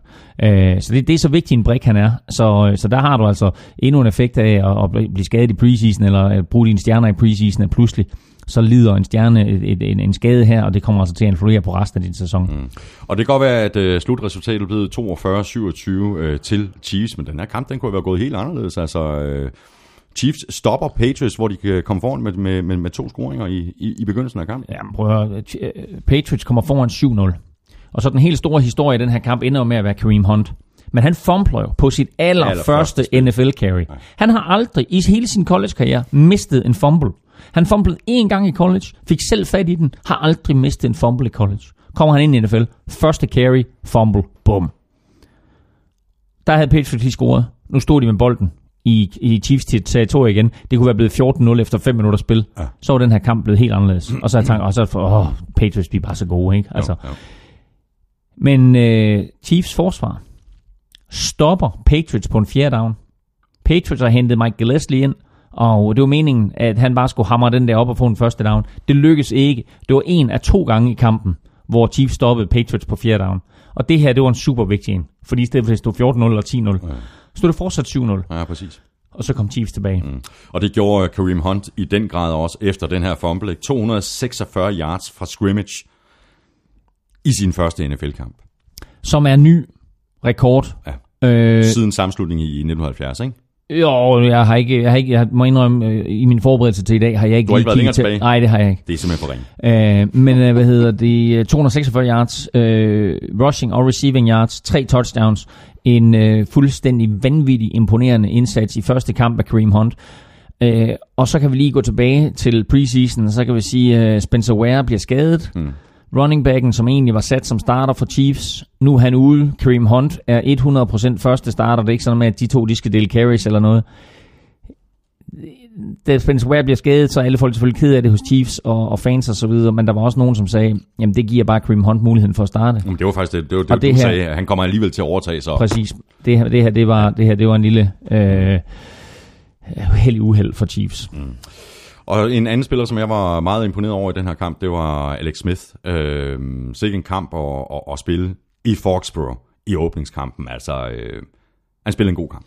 Jamen, altså, han var, han var sensationel jo. Øh, kastet for flest yards af alle quarterbacks. 368 yards havde han, og så kastede han altså fire touchdowns. Øh, 28 og 35. altså, og det var bare, altså den måde, han fuldstændig øh, pillede Patriots forsvar fra hinanden. Og så det faktum, han havde tid. Mm. Øh, det gjorde, at øh, det her Chiefs-mandskab så god ud, og Patriots bare ikke så særlig god ud. Mm. Øh, og det var måske det mest overraskende i den her kamp. Det var ikke så meget, at Chiefs de vandt. Øh, det anbefalede jeg faktisk i en parentes sådan i min øh, danske spilartikel, at var man gambler, så kunne man godt satse på, øh, på odds 4,20. Ja. Øh, men, øh, men det der mest overraskende i den her kamp, det var, at Patriots så så dårligt ud, som de gjorde. De så, øh, altså de så, øh, de så ineffektive ud på angrebet, og de så uæftende ud på forsvaret, og det overraskede mig. Er Chiefs stærkere, end vi regnede med, eller er Patriots ikke så stærke, som vi regnede med? Og så- eller er det begge dele? Jamen, så er det jo kombinationssvaret, ikke? Mm. Altså, det er jo så dejligt nemt at sige kombinationen. Ja. Øhm, men jeg synes, Chiefs så god ud. Og jeg synes, Chiefs lavede nogle ting på angrebet, som vi ikke har set dem øh, gøre før. Vi har altid kaldt Andy Reid for super konservativ. Og det var, Men- det, virkelig, det var det mildt sagt ikke. Der var ingenting konservativt over det her. Og så må vi sige, at de har i Tyreek Hill en vanvittig fed playmaker. Mm. Sjov fyr at se på. Og de er også godt klar over i Chiefs, at her har de altså en af ligaens absolut mest interessante spillere. Ja. Her er en lille sjov stat, som øh, kom frem i, øh, i løbet af kampen. Øh, den amerikanske kommentator fortalte den, at Tyreek Hill i high school øh, løb en 100 meter. I high school løb en 100 meter. Der kunne have gjort ham til nummer 6 ved OL i London. What? Ikke? Det er så hurtigt, han er. Øh, og det ved Chiefs. Han, han havde et, et, et, et, et forrygende år sidste år, da de ligesom fandt ud af, hvordan de aktiverede ham. Mm. Og nu her har- har de brugt øh, perioden her mellem sidste sæson og den her sæson, der har de brugt perioden på at ligesom at sige, hvordan får vi det mest optimale ud af ham her? Hvor mange øh, forskellige muligheder har vi for at få bolden i hænderne på ham? Mm, mm. Og det så vi. Og han bliver altså et stort våben, Tyreek Hill. Så har vi øh, Mads Samer, der stiller et spørgsmål her. Uh, han har et spørgsmål til Patriots valg om ikke at lade Brady snige bolden på i hvert fald en af de to øh, uh, missede fjerde down forsøg. Han er en af de bedste i ligaen til netop det, og alligevel så vælger man ikke at gøre det. Why? Fordi du har hævet Mike Gillespie ind, og Mike Gillespie kommer til fra Buffalo Bills, og øh, er en mester i de her små, korte situationer. Men øh, de to gange, hvor det er virkelig, virkelig vigtigt, at, og, og prøv at høre en ting, der er med Mike Gillespie, ikke? det er, at han scorer tre touchdowns i den her kamp. Der er ingen, der snakker om det. Nej. Mike Gillespie i sin debutkamp for Patriots scorer tre touchdowns. Du har ikke engang nævnt det endnu. Nej. Ikke? Men de to situationer, der var vigtige for Patriots, det var de fjerde down situationer, han ikke konverterede. Han fik muligheden to gange, og Chiefs stoppede ham begge gange. Og øh, havde han konverteret dem til første downs, så er det ikke umuligt, at kampen havde set anderledes ud. Nu var Chiefs meget dominerende i anden halvleg. Og det jeg vil sige med, med, med, med, med Og i Patriots... særdeleshed i, i, i fjerde kvartal, ikke? Jo, og, og, og, og det jeg egentlig vil sige med det, det er, at det der lidt skete med Patriots i den her kamp, var det, jeg synes, der skete med Falcons i Super Bowl. Det var, at de blev trætte. Præcis. Fordi de havde intet modsvar Nej. i fjerde kvartal imod de Chiefs. Og det de er usædvanligt mm. at se et Patriots-mandskab ud af form, hvis det var det, der var tilfældet. Og Patriots, de er øh, 0-1, og de spiller ude mod Saints. Chiefs, de er 1-0, og de får besøg af Eagles. Har du en, øh, Jamen, jeg har en ting mere? en, jamen, det er egentlig, fordi jeg lige vil bringe danske spil på banen her. Øh, fordi øh, på Otse, øh, der øh, vil jeg sige, Patriots har siden 2003 øh, tabt to kampe i træk fem gange. Ikke? Altså det, det er 15 sæsoner nu, hvor de kun har tabt to kampe i træk fem gange. Ja. De taber ikke i weekenden. De spiller mod Saints, de spiller godt nok ude, mm. og øh, Saints har også et eksplosivt angreb, mm. øhm, men jeg tror ikke på, at de taber til Saints. Der er kun 1-32 at hente på, øh, på Patriots, men tror du, at Patriots kan vinde med bare 6 point eller mere, så er der altså 1-80 at hente. Interessant. Øh, så det er min anbefaling nummer et øh, i dag. Det er 1-80 på Patriots ud over Saints. Med mere end 6. Og så videre til en øh, kamp, øh, hvor der ikke er øh, helt lige så meget at tale om, øh, Claus. Øh, Bills de vandt øh, hjemme med 21-12 over Jets, og lad os bare begynde med Bills og deres angreb. Øh, omdrejningspunktet her er rimelig tydeligt. Øh, LeSean McCoy, der ligesom øh, også har noget at spille for med sin nye kontrakt, hvor han i stor grad bliver belønnet efter resultater. Jeg tror, det var meget fornuftigt, at de lavede den kontrakt, fordi ellers øh, kunne McCoy måske godt være ind i den her sæson, og være gået ind i den her sæson, og så sagt, øh, det har jeg måske ikke lige lyst til at blive øh, invalideret af og, og kæmpe for det her hold. Nej, men øh, på den anden side, du er fodboldspiller, og du bliver betalt for at spille, du bliver betalt for underhold, og øh, folk har været efter Tyrod Taylor, øh, men altså kombinationen af Tyrod Taylor og LaShawn McCoy viser bare endnu en gang super, super effektiv. Mm. LeSean McCoy er, er vidunderligt at se på, super sjov at se på, eksplosiv, og havde nogle geniale løb. Øh, havde et løb på, på, på 27 yards, hvor man, hvor man ser både hans hurtighed og hans evne til at snyde modstanderne. Mm. Øh, og, øh, og Tyra Taylor og ham er bare en, en, en måske den bedste øh, duo i NFL, hvad sådan angår løbende quarterback og, og running back. Mm. Og så har Tyra Taylor så ikke længere Sammy Watkins og kaste bolden til. Han har øh, Jordan Matthews, øh, som jeg synes spillede en fin kamp. Mm. Øh, godt nok kun øh, to catches for, for, for 61 yards, men øh, jeg synes, han så god ud. Ja, det gjorde han, og, og lidt overraskende, at han faktisk spillede, fordi han var sådan meldt ude en uge eller to, i hvert fald her til sæsonstarten, men de fik ham altså gjort klar, og han var, øh, han var selvfølgelig og er deres første receiver, øh, og han kan godt blive godt våben, fordi Jordan Matthews var god, da han var hos Eagles, mm. og Carson Wentz var meget, meget ked af, at øh, Jordan Matthews øh, forlod dem, men øh, det gjorde han altså i en handel, som sendte Ronald Darby den anden vej. Og så lige en sidenote, Ronald Darby blev skadet i weekenden, og er ude måske 4 mm. til 6 uger, som vi ikke fik nævnt i starten. Men det var, altså, det var en vigtig skade for Eagles. Mm. Jets, de får det vanskeligt i år, Claus, det har vi også talt om tidligere. Øh, McCown, han sluttede kampen af med en øh, flot øh, completion percentage, men med meget få yards og få yards per kast. Og øh, det er vel i virkeligheden sådan en rimelig klassisk øh, Josh McCown. Øh, og så forstår jeg ikke øh, deres prioritering på, på, på løbespillet. 13 løbespil øh, til deling mellem øh, Matt Forte og Bilal Powell. Det forstår jeg simpelthen ikke noget af. Nej, og de prøver på at skille sig af med Matt, Matt Forte øh, her i preseason, men han fik altså kun et carry mindre end Bilal Powell. Øh, det her det er et Jets-mandskab, som, altså det er jo, det er jo det er lidt vildt at sige, ikke, men de har nærmest opgivet på forhånd. Ja. Altså, jeg, hvor vil jeg være ked af at være Jets-fan. Det her det er jo sindssygt, øh, at man skal sidde igennem det her i en sæson. De skiller sig af med alle de store stjerner, og dem, de har tilbage, de kan ikke spille fodbold. Nej, præcis, men så... er de ikke mere eller mindre ved at lave en bevidst Browns? Altså simpelthen bare, okay, vi... Øh det her det er simpelthen så ringe, så vi kommer til at vælge først i, i, i næste års draft, og så begynder vi at få Jo, og det, jo, men altså, det er også, altså, altså, der er ikke nogen, der går på banen med det mindset, at man skal tabe, men altså, når du går på banen, når du ved, at man talentmæssigt er dårligere stillet end det hold, man spiller mod, så, så, er, det, så er det svært at gøre noget. Forsvarsmæssigt er de faktisk okay besat. Det er jo ikke verdens dårligste, dårligste forsvar, de har, men angrebsmæssigt har de 0 og niks at byde på. Mm. Sidste års uh, Super Bowl-finalister fra Atlanta spillede deres uh, første kamp i år ude mod Bears. Det gik godt, de vandt med øh, uh, 23-17, men det var da spændende til sidst, uh, og Bears forsvar, de spillede mildt sagt ikke nogen tosset kamp. Altså, de har et par, de har et par store stjerner øh, på det Bears forsvar. Det vidste vi også godt på forhånd. Øh, de, har, de har nogle unge spillere, de har nogle veteraner, og generelt så må man sige, at det her Bears-mandskab overraskede mig positivt, og jeg nævnte det tidligere, de var altså kun en tabt bold fra at slå Falcons. Kampen ender 23-17, det vil sige 6 points forskel. Falcons øh, kan ikke lukke den her kamp. De har alle muligheder for at lukke den, og de har endda behov for et par store spil for at vinde den. Mm. Øh, og det betyder, at Bears til sidst får bolden. Mike Glennon ligner Tom Brady, kører bolden ned ad banen, ender med at stå på 5 linjen kaster en out i venstre side til running back Jordan Howard, som står på 1 linjen og griber han den, så kan han enten, altså enten så bliver han puffet ud over på 1 linjen eller også så kan han læne sig ind i endzonen og score. Mm. Og så gør han fejlen, som unge spillere gør, og det er, at han kigger, kommer der nogen, og jeg tror egentlig ikke, altså som jeg lige vurderer det, det er ikke fordi han er bange.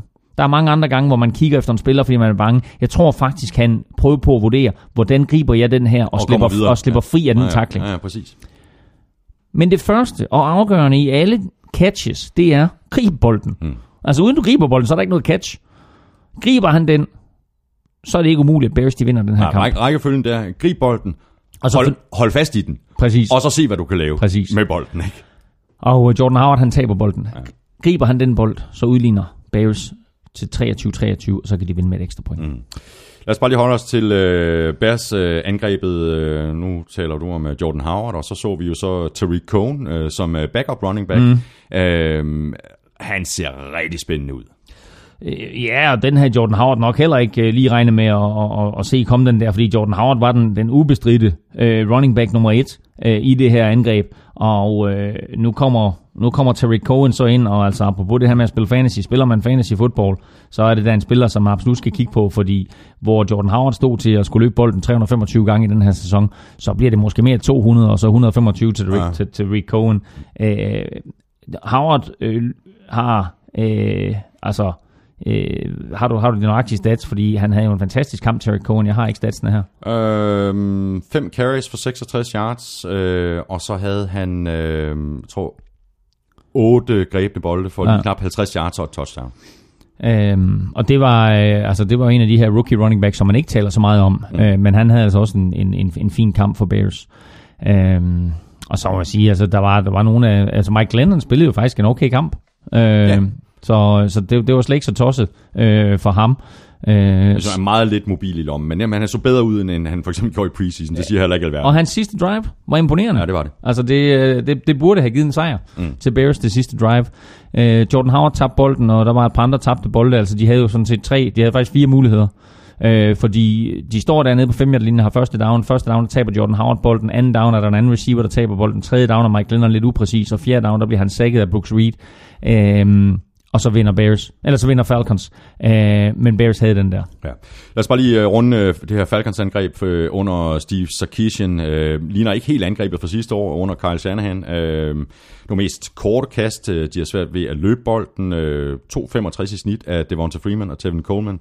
Uh, jeg synes, det virker som om, de har svært ved at finde ind i, i den rytme, som de havde sidste år. Ja, det eneste positive, man ligesom tager sig med fra den kamp, det er, at øh, andenårsspilleren Austin Hooper, tight enden, som de havde så store forhåbninger til, han faktisk spillede en, en, en ret forrygende kamp. Det var ikke, fordi han greb vanvittigt mange bolde. To, To- to to, bolde. to, to, tror jeg, det blev ikke til, men han lavede et uh, touchdown på, hvad var det, 80 yards eller noget i den retning. Ja. Øhm, hvor han stiffarmer en Bears-spiller, så den Bears-spiller aldrig nogensinde glemmer det. Hmm. Øhm, så det var, det, var, det var det mest positive. Øhm, men uden det play, er den her kamp også rigtig, rigtig tæt. Ja. Så øh, det, var ikke, det var ikke det eksplosive Falcons øh, hold, vi så.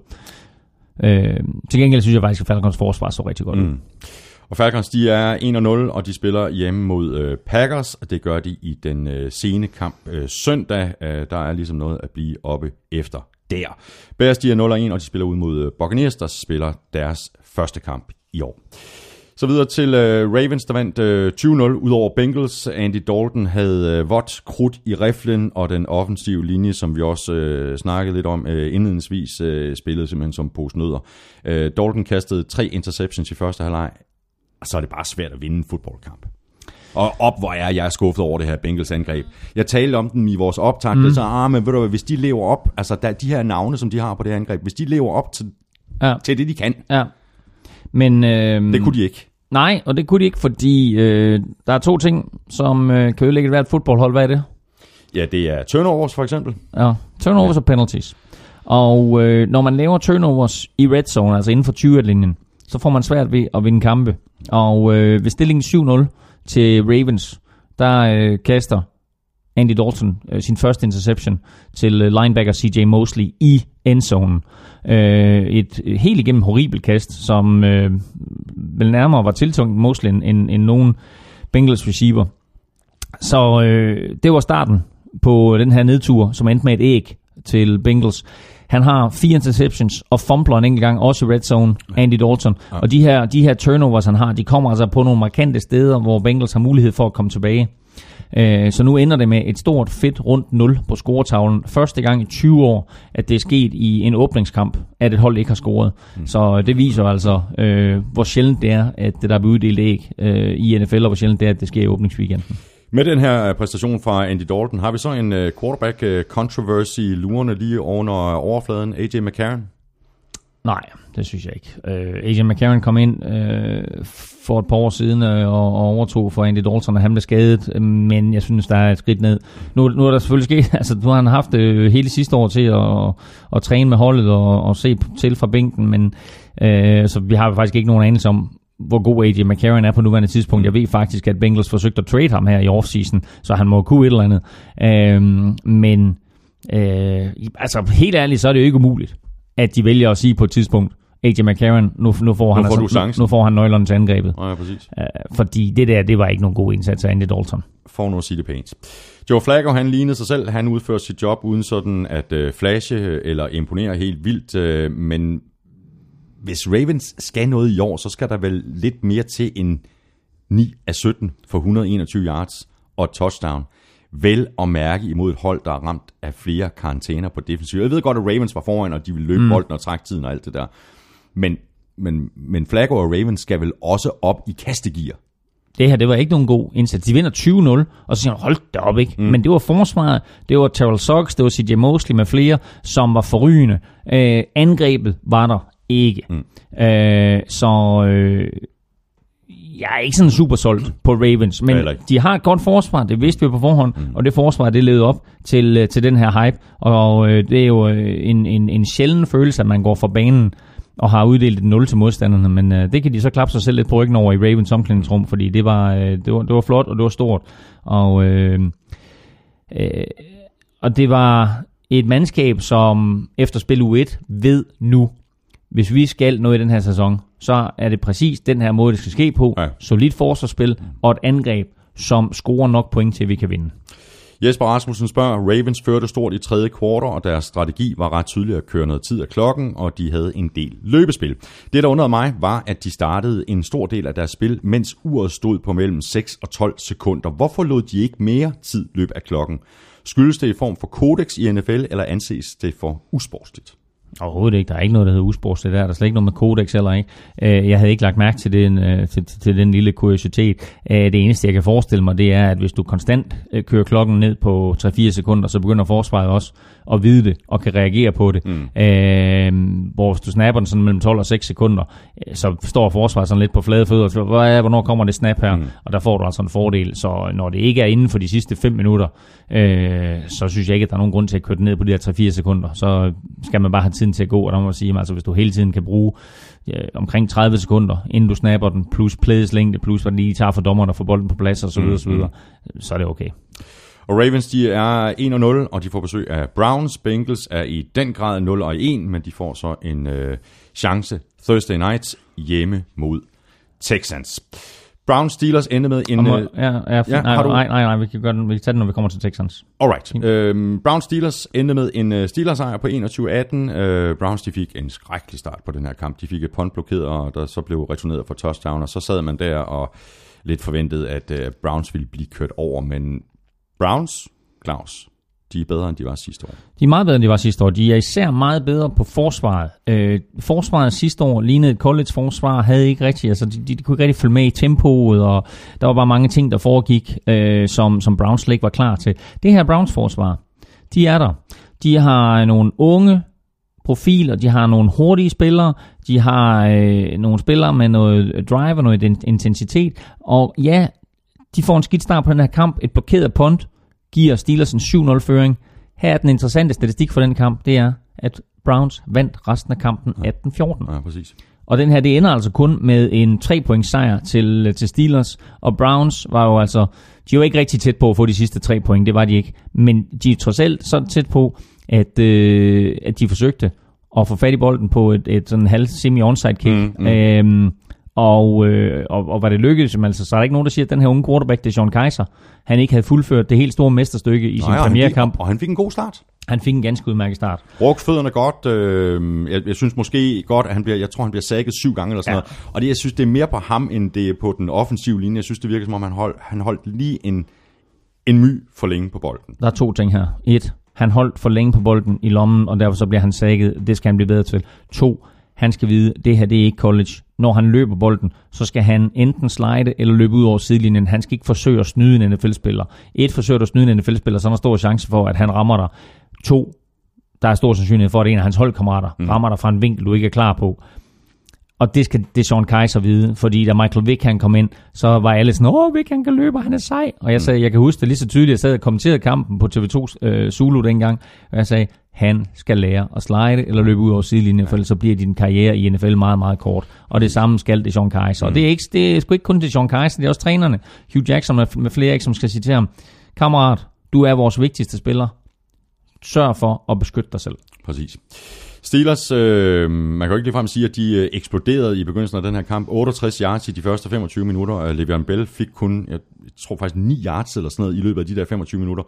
Og havde faktisk ikke nogen øh, specielt stor kamp. Øh, er det holdouten, vi ser konsekvensen af her? Ja, så han valgte jo øh, at, at, at sidde uden for hele preseason øh, i håb om at få en langtidskontrakt. Øh, ender så med at, at, at skrive under på en etårskontrakt. Øh, og det betyder måske bare, du, at han har ikke fået alle de der øh, plays, alle de der øh, træningssessioner, mm. hvor man ligesom finder ud af, at der var lige det der juke move, og der var lige det der, og ham der, når han blokerer der, så skal mm. jeg lige der, og hvis linebacker står der, så regner jeg med, at min guard tager den. Så hele det der samarbejde med den offensive linje, og en Bill, det mangler. Øhm, og han så ineffektiv ud. Mm. Øhm, alt det her dansen, som vi elsker ham for, det var ineffektivt.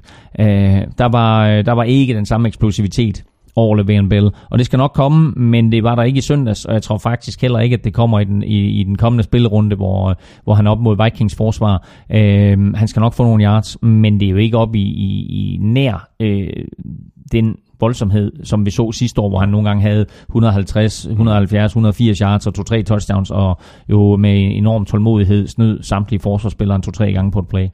En, der havde mange yards i den her kamp, det var Antonio Brown. Øh, 11 grebne bolde for 182 yards. Øh, Browns de får mere end almindeligt vanskeligt ved at vinde over Steelers, hvis de ikke finder en måde at lukke ned for den mand. Hvem kan lukke ned for Antonio Brown, når Roethlisberger kigger efter ham selv i triple coverage, mm. kaster en bold, og så er det Antonio Brown, der kommer ned med den. Så kan du sige, der står tre Cleveland-spillere, der må der er en eller anden, der må slå den ned. Det skulle man mene, men det catch, han laver det, Antonio Brown, viser bare, hvor fabelagtig en receiver han er. 182 yards, og øh, nomineret til ugen spiller også. Og var den vigtigste spiller overhovedet for Steelers i den her kamp. Han var den bedste spiller på banen mm. af alle 44 spillere, der nu var, plus hvad der inde var inde på special teams. Øh, så var han den bedste spiller på banen, og han var den afgørende faktor i den her kamp. Mm. Og så kan vi bare lige nævne uh, Jesse James, uh, tight enden. Uh, to, ja, to, to touchdowns, uh, det ser jeg mere som, uh, som lidt et tilfælde, end at uh, det er noget, vi kommer til at se sådan en sæson igennem. Ja, altså både og jo. Uh, vi snakkede jo ganske kort om det i en af vores, eller vores AFC-optakt, at, at Steelers havde været lidt utilfredse med ham, så de har hentet forstærkning ind på tight end-positionen, men det lader da til, at det er ham, som, mm. uh, som er, er 100% clear-cut starter på, på tight end, og scorer to touchdowns i weekenden, så ja. en, en, en ganske udmærket indsats af ham. Uh, og udover de to touchdowns, så blev der altså kastet Roethlisberger efter ham otte gange, og han ja, greb de seks. 6. Ja, for 41 yards og øh, to touchdowns. Så, så, så det vidner lidt om, at øh, altså, han er sådan lidt den nye Heath Miller i mm. det her angreb. Mm. Og Steelers de er 1-0, og de får besøg af Vikings. Browns er 0 og 1, og de møder Ravens på udebane. Og så fik øh, Lions en øh, hjemmesejr på 35-23 over Cardinals, ikke mindst på baggrund af en øh, super afslutning af Matthew Stafford og Lions angrebet. De vandt fjerde kvartal 20 6. Hvad siger du til den kamp, og, og ikke mindst uh, præstationen fra, fra Matthew Stafford i, i, i fjerde kvartal? Jamen, øh, endnu et fjerde quarter comeback af Matthew Stafford, og det tog ham lidt lang tid at komme i gang, men øh, til gengæld, så, øh, som vi også hørte Peter Kovers med at sige, så fandt han et nyt yndlingsvåben, Matthew Stafford, og øh, det gjorde han altså i den her øh, rookie receiver Kenny Golladay, mm. som øh, greb fire bolde, men øh, to af dem var touchdowns, og det ene touchdown var måske weekendens eller rundens mest spektakulære. Fuld udstrakt griber han bolden øh, ind i endzonen, og det var sådan, så øh, efter det her catch, så kommer Golden Tate hen, og så øh, går han ned på knæ og, og laver den der, øh, altså simpelthen til, tilbeder Golladay for det catch der, fordi alle, der så det, alle, der har spillet receiver, de ved, hvor svært det er, og han, så, han fik det til at se ud, som om, at det var standard. Øh, det var et vanvittigt catch, ja, og, det altså. øh, og det her, det er, han er jo ikke en, han er jo ikke en Megatron, men han giver bare øh, Stafford og Lions et helt nyt våben. Øh, Marlon Jones, Golden Tate og så, øh, og så Kenny Golladay der. Det er altså en giftig trio. Ja, det må man sige ja til, og så har de uh, Amir Abdullah på, uh, på, på running back. Uh, vi talte lidt om det i sidste uge, Claus, tror jeg, at uh, Carson Palmer nærmest ikke har, har kastet hele offseason for ikke at slide sig selv op inden sæsonen. Mm. Uh, sådan som han blev slidt op uh, sidste år. Resultatet, synes jeg, det var en uh, rusten Palmer, uh, og ikke en stærkere Palmer. Især i første halvleg, uh, der kastede han for langt, uh, og han kastede også to interceptions. Jeg synes ikke, han så god ud. Jeg synes ikke, at han så god ud i preseason for i år. Og der var jeg klar over, at Cardinals ville få en dårlig sæson sidste år. Det levede Cardinals og Palmer fuldt ud op til. Og jeg håbede for Cardinals fans, og for Palmer selv for en sags skyld, at han ville indse, at det var slut, og han ville gå på pension. Mm. Det gjorde han ikke. Og nu står Cardinals med en situation, at han er deres første quarterback, og de har intet bag ved ham. Det her, det skulle være en draft. Og nu har de heller ikke David Johnson. Lad mig lige fortsætte det her, fordi det der skulle være en draft, hvor Cardinals fik en quarterback. Og inden de så sig om, så var de tre quarterbacks væk. Og det var de tre top receiver i øvrigt også. Og vi mm. snakkede om det i vores draft podcast, mm, mm. at uh, Cardinals de sad der, og så tænkte de, hvad skete der lige der? Ikke? Der var seks spillere, som de havde set frem til at vælge, og de var alle sammen væk med de første 15 picks. Ja, der gik det stærkt. Øh, og så tog de sådan en spiller, der Hassan Reddick, øh, som havde en vanvittig god kamp. Øh, så en god øh, rookie-indsats af ham. Men Palmer var en katastrofe, kastede tre interceptions. Den ene af dem var måske ikke hans skyld, de to andre, det var forfærdelige kast. Øh, og det var en af årsagerne til, at, eller måske årsagen til, at Cardinals de tabte den her kamp, fordi Lions de forsøgte ihærdigt at tabe den i første halvleg. Mm. Nogle vanvittige fejl på special teams, nogle vanvittige beslutninger. Uh, Matthew Stafford, der på sæsonens allerførste kast, det allerførste kast overhovedet i sæsonen, kaster han en interception, der bliver resoneret til touchdown. 82 yards. Et af weekendens mest spektakulære. Det ligger inde på gul klud, så man kan gå ind og se det derinde. Men øh, alligevel kommer, kommer Stafford og company tilbage, og det gør de selvfølgelig, fordi Cardinals, på trods af, at de får den her kamp øh, indpakket i gavepapir med en lille sløjf på toppen, mm. så formår de altså ikke at, at lukke den. Lions, de er 1-0. De skal til øh, New York og møde øh, Giants, og det skal de, mener det, Monday Night. Øh, Cardinals, de er 0-1, og de får en øh, chance for at komme på 1-1, når de spiller ude mod Colts. Og så skal jeg lige have fundet sådan en her. Uh, this is Houston. Uh, say again, please. Houston, we have a problem. Ja, så napper vi nemlig lige øh, en øh, hold nu kæft kamp, inden vi skal sende nogle øh, tips afsted i ugens øh, spillerkonkurrencer. Og den her hold nu kæft kamp er den mellem øh, Texans og Jaguars, som endte med en udsejr til Jaguars på 29-7. Og det må jeg faktisk indrømme, Claus, øh, den havde jeg simpelthen ikke set komme. Øh, med det her Texans angreb er jo simpelthen uforskammet ringe. Det var det i hvert fald med Tom Savage som quarterback. Er det det også med Deshaun Watson? Det får vi at se. Han bliver starter. Deshaun Watson kommer til at starte i nat, øh, når Texans møder Bengals. Og øh, mind mig om, at når vi lige er færdige med at tale om den her kamp her, så har jeg et øh, lille bet fra Danske Spil, som man skal gå ind og tjekke. Øh, men den her kamp var, som vi nævnte i starten, den kamp, hvor de 11 Jaguars forsvarsspillere endelig levede op til deres navn. Og de 11 Jaguars forsvarsspillere blev til et forsvar. Mm.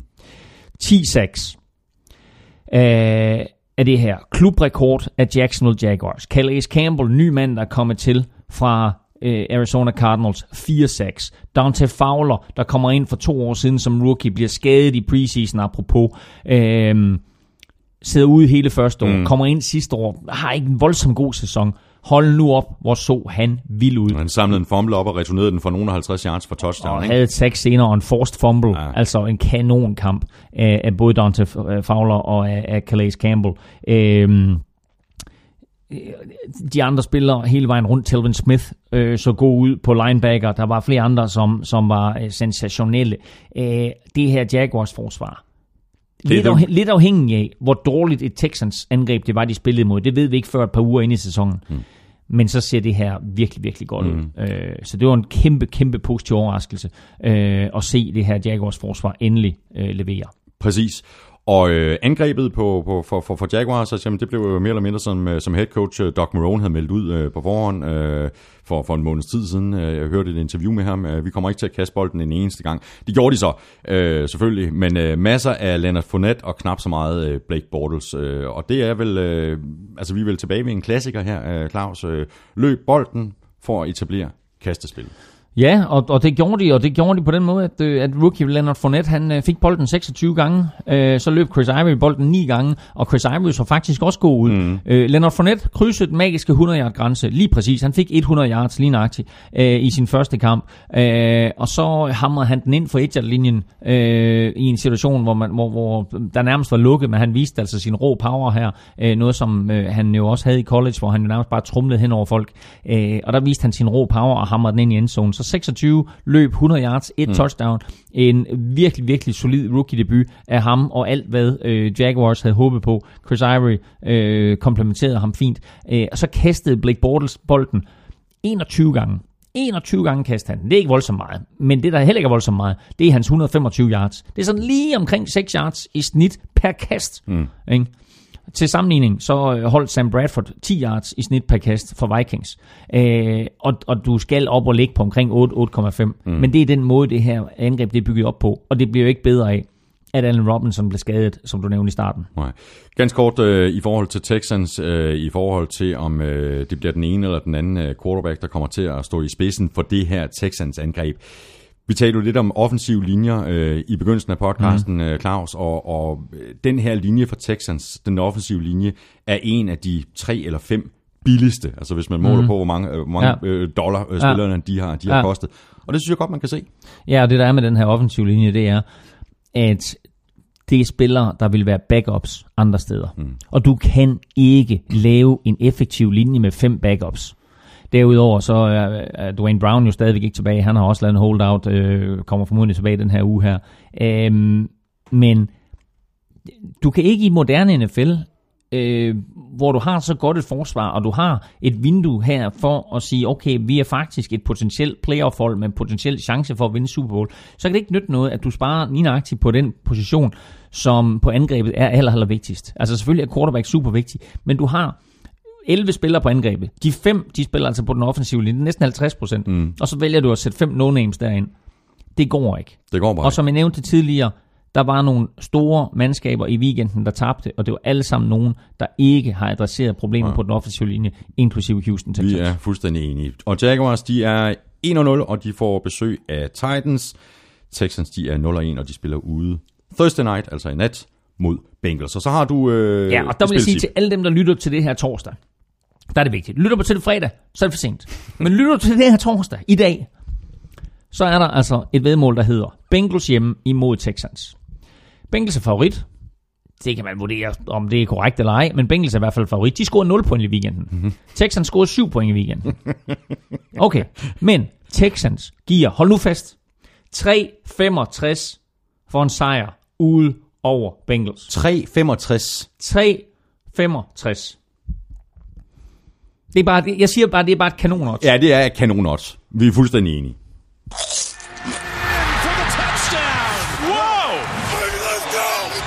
Ugen spiller præsenteres af Tafel. Yep, så er vi øh, halvvejs øh, gennem kampene, og det betyder, at vi er fremme ved ugens øh, spillerkonkurrence, og jeg har allerede gang i sækken her. Jeg skal lige have fundet min anden pose med en masse navne her. Og der ryger de ned i øh, sækken, og vi smed jo tre navne på Twitter i øh, tirsdags. Øh, Claus, ugens nominerede var, ikke overraskende, Kareem Hunt, Antonio Brown og Calais Campbell. Øh, du, smed, øh, du smed det faktisk også ud på Twitter, så jeg. Hvordan, øh, hvordan endte det der? Jamen, der var et par hundrede, der øh, stemte på Twitter, og Kareem Hunt, han vandt overbevisende.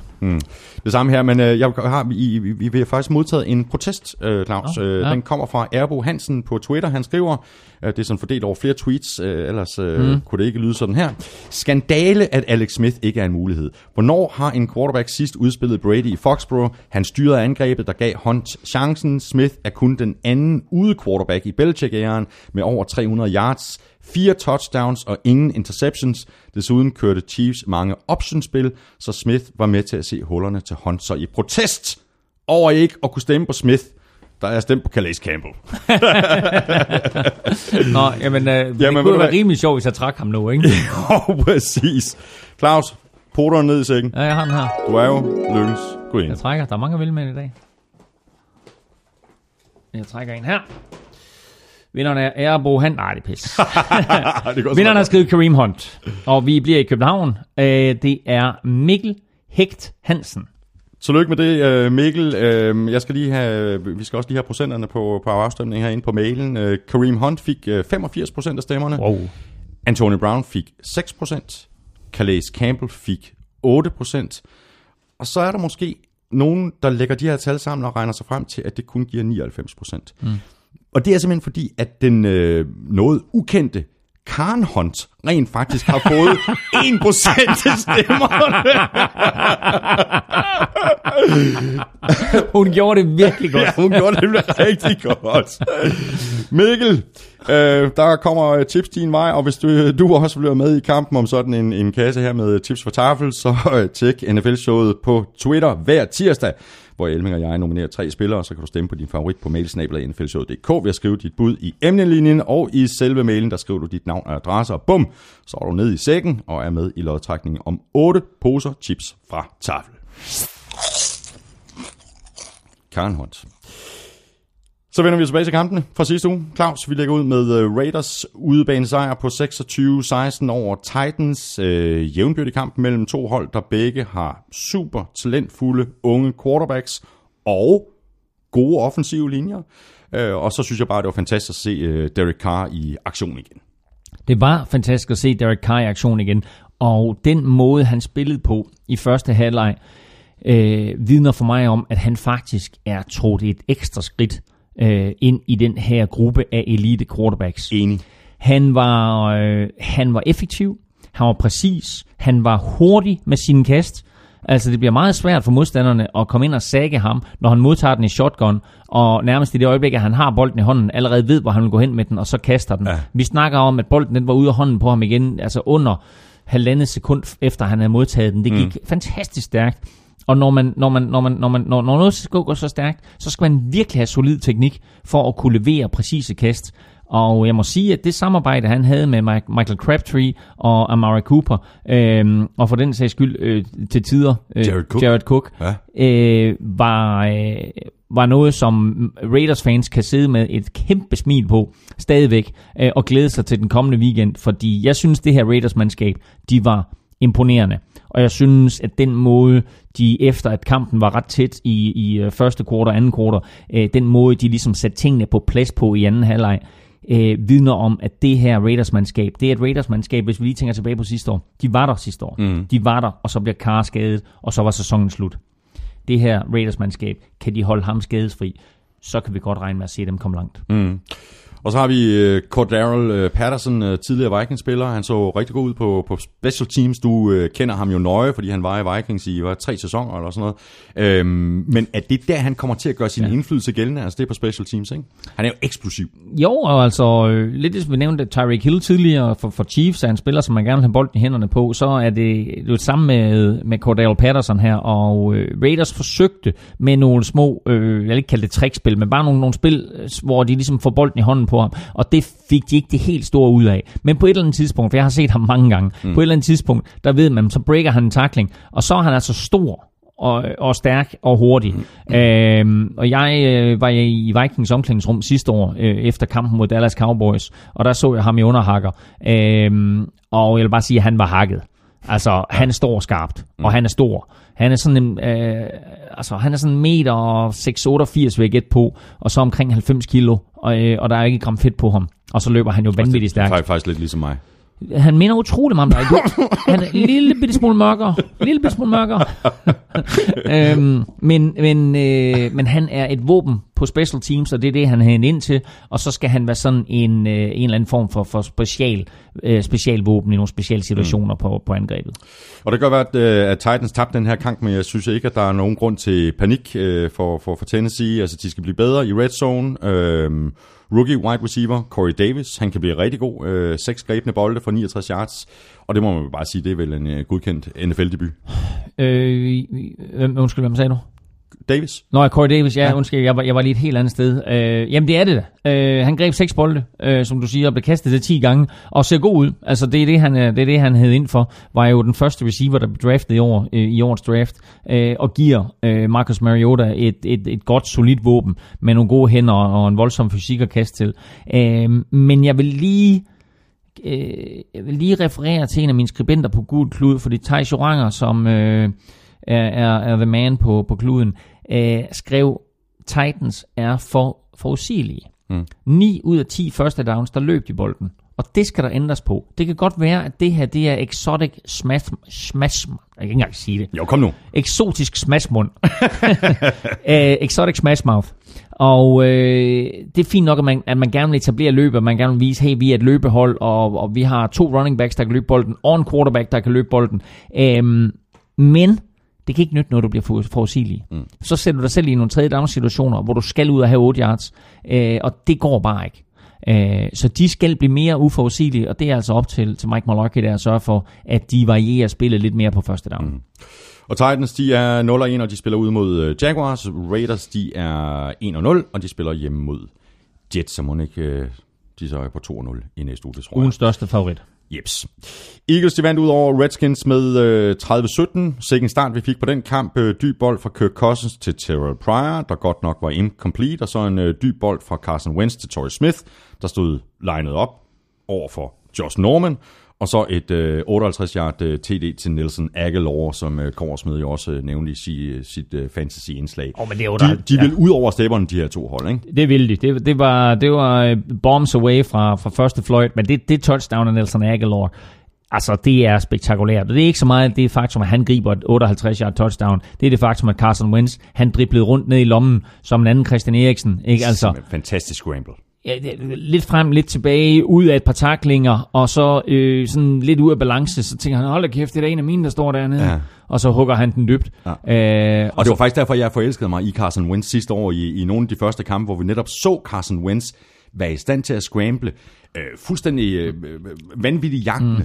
Men stadigvæk med fokus ned af banen, altså holdt overblik, og det synes. Ja. jeg bare, hold kæft mand, altså fordi det er der rigtig mange, også ældre quarterbacks, der har spillet flere år i ligaen, der ikke formår at holde fokus ned af banen og se, hvor har jeg en åben spiller. Præcis, og det er en øh, meget, meget vigtig kvalitet at have som quarterback, det er, at uanset hvad der sker omkring dig, så skal du have fokus ned ad banen, og du skal vide, hvor er der en øh, spiller med samme farve trøje på, som jeg har, og så se, om du kan ramme ham. Mm. Bliver du først øh, fanget i, at sådan, du kigger på de forsvarsspillere, der presser dig, øh, så ender du med at løbe bolden selv, eller ender med at blive sækket. Øh, her har du en ung quarterback i sit andet år, som viser også, at alt det her positive, som han viste i hvert fald i første halvdel sidste år, øh, at det har han bygget videre på, og der er store forhåbninger til ham, og den indsats, han leverede i den her kamp mod Redskins, giver Eagles øh, fans ekstremt stor håb for den her sæson, og det gør det ikke mindst på baggrund af, at det forsvar, Eagles stiller op med i år, det er et top 5 forsvar, og det er ikke bare et top 5 forsvar på NFL-showets måde,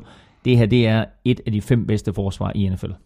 Hvad siger du til Garrett Blunt øhm, og hans øh, præstation øh, med 14 løb for 46 yards? Øh, jeg tror ikke, han får helt den samme rolle eller gennemslagskraft i år, som han havde sidste år i, øh, i New England.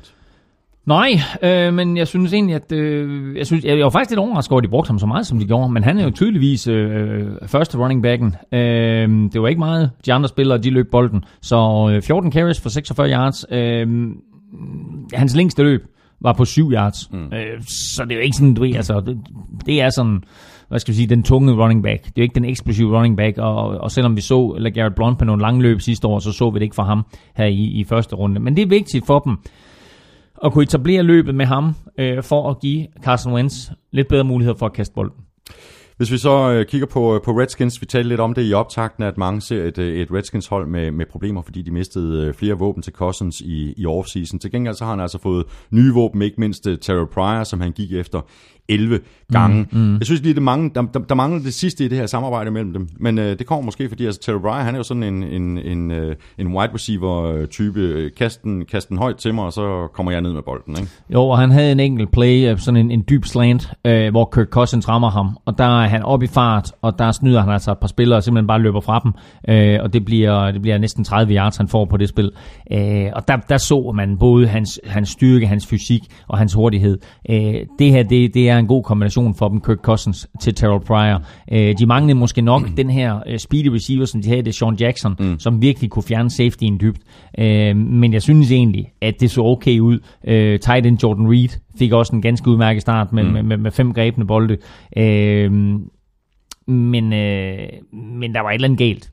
Altså, det var ikke så flydende angrebsspillet, som vi så sidste år. Det var, ikke en, det var ikke en Kirk Cousins, som på den måde var altså farlig, Nej. på måde, på, på, som han var til tider til var han den farligste running back. Ej, det var De har altså problemer på, på, på løbespillet, ikke? Jo. 30 yards, det, det, det, altså, Ja, Kelly altså, får, hvad, hvad, hvad får han? Øh, Jeg tror, han får, øh, han får, han får også 30 yards, ligesom, øh, Ja. ligesom Wentz, ikke? ja, På 10 forsøg. ja. Men altså, Kirk Cousins øh, med 30 yards fører lige nu klubben, ikke? Jo. Øh, I, i, i rushing yards, og det er ikke meningen. Altså, der, der skal Chris Thompson og Rob Kelly, der skal de få flere yards, når de løber bolden. Øhm, jamen, altså, jeg har, jeg har svært ved at se noget positivt øh, på det her Redskins-mandskab. På mit, på mit, mit, mit, mit øh, sådan forårsmomentometer, der havde jeg dem helt ned som næst sidst, mm. eller måske var de endda sidst øh, under Jets, jeg tror faktisk Jets har ligget sidst. Men, men der skete så mange ting i Redskins organisationer og, og med, med spillere, der blev fritstillet eller sendt til andre klubber, at Redskins de røg helt ned i bunden af mit momentometer. Så skete der faktisk nogle gode ting i forbindelse med draften og i forbindelse med free agency. Terrell Pryor kom ind, øhm, Josh Doctson kommer tilbage, men han var, jo en- han var en non-factor i den her kamp. Øhm, så, øh, så jeg satte dem lidt op og tænkte, Nå, okay, men der er der noget potentiale her. Mm, mm. Men det er der ikke. Det her, det er, det her det er et skidt hold. Øh, jeg tror, de får en svær sæson, Redskins. Mm. Det tror jeg også. Og de er 0-1, og de skal smutte til LA og spille mod Rams. Eagles er 1-0, og de skal på en øh, svær opgave ude mod Chiefs. Og øh, Rams, som vi lige øh, har øh, nævnt her, øh, jamen de massakrerede jo i den grad Coles på, på hjemmebane med 46-9. Det var lige før, at det var pinligt. Nej, det var faktisk pinligt. Og det var det så også efter kampen, hvor coach Pagano sagde sådan her. I mean, we got our asses kicked, and uh, credit 49ers and, and Coach McVay. Ja, øh, man skal credit øh, 49ers og head coach øh, McVay. Øh, head coachen var, var, var rigtig, øh, 49ers det var ikke så rigtigt. Øh, Coles de var på besøg i Los Angeles, og han taler om øh, 49ers, og som øh, Jonas Germann skriver, øh, synger Chuck Paganos trænerkarriere på sidste vers. Det virker jo, som om han er helt væk. Han står og giver credit til 49ers. Han er da helt for snøvsen. Han er helt for snøvsen, og det var en stor overraskelse for mig, da han fik forlænget sin kontrakt.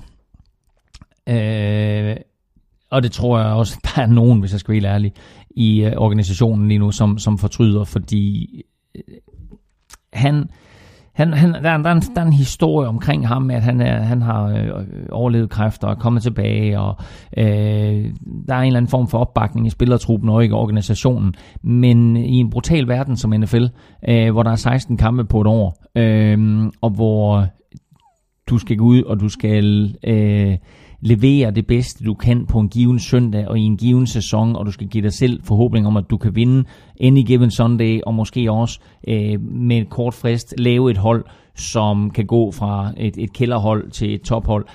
Der er ikke lys for enden af tunnelen hos Colts. Mm. Og Chuck Pagano er lige nu en undskyldning for en head coach. Ja, det er virkelig. Men altså, det kan jo forklare lidt, hvis han har gameplanet efter, at de skulle spille mod 49ers. Altså, er det lige ved, du ved, at- så tror jeg faktisk, de har vundet lavet for Niners ikke kun tre point i weekenden, ikke? Jo, jo. Colts lavede, Colts lavede trods alt ni.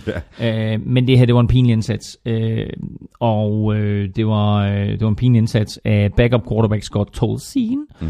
som øh, kastede to interceptions og blev skiftet ud med Jacoby Brissett, der havde været i klubben sådan cirka en uge.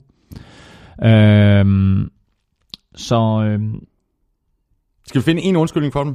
Nej, jeg har ikke nogen. Jamen, det har jeg. Hvad så?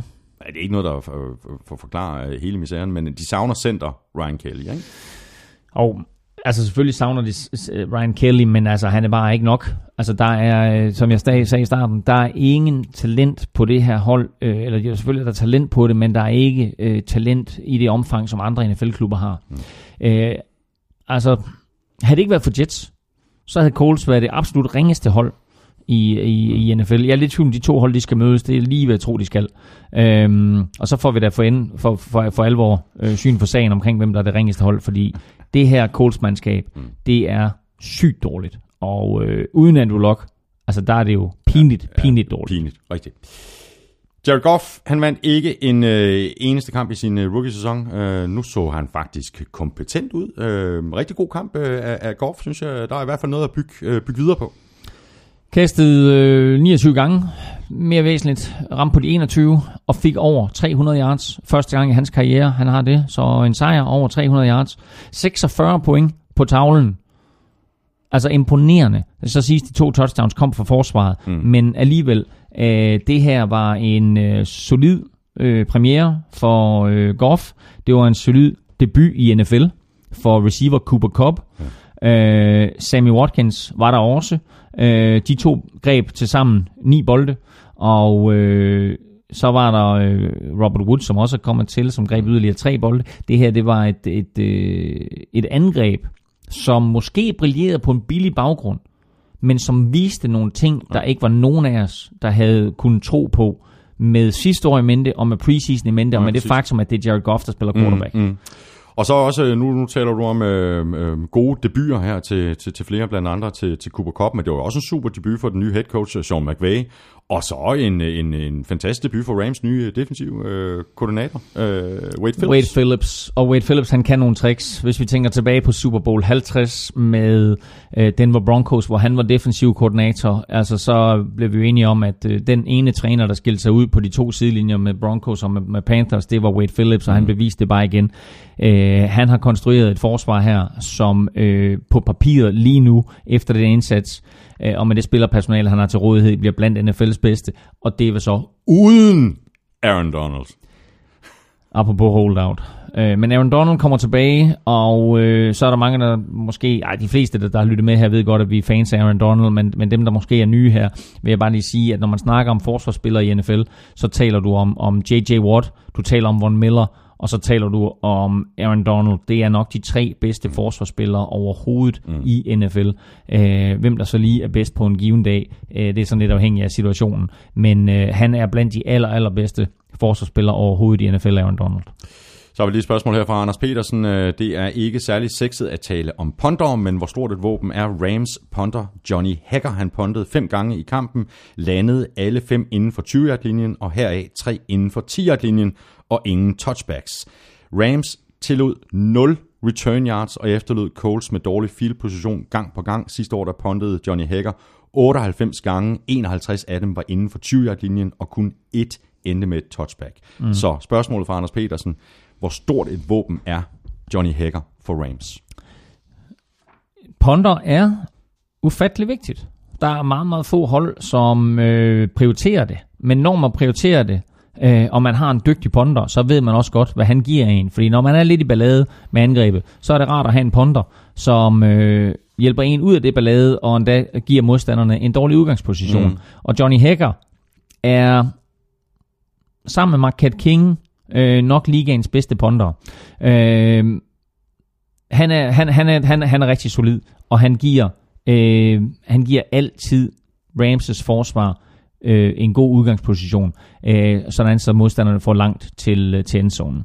Øh, jeg vil bringe en, en situation op, en kamp op, som jeg altid øh, bringer op, når vi taler om ponder, og det er Super Bowl 35 med Ravens Kyle Richardson, mm. som i min optik, det vil aldrig nogensinde komme til at ske, men i min optik skulle Kyle Richardson have været MVP i den Super Bowl, fordi han nærmest identisk med de her stats her, leverer 10 punts indenfor Altså, det er også vanvittigt at have 10 punts i en kamp, men det havde han jo altså. Mm, mm. Øhm, han leverer 10 punts inden for 20-linjen, de 5 inden for 10-linjen, og de 3 inden for 5-linjen i den kamp.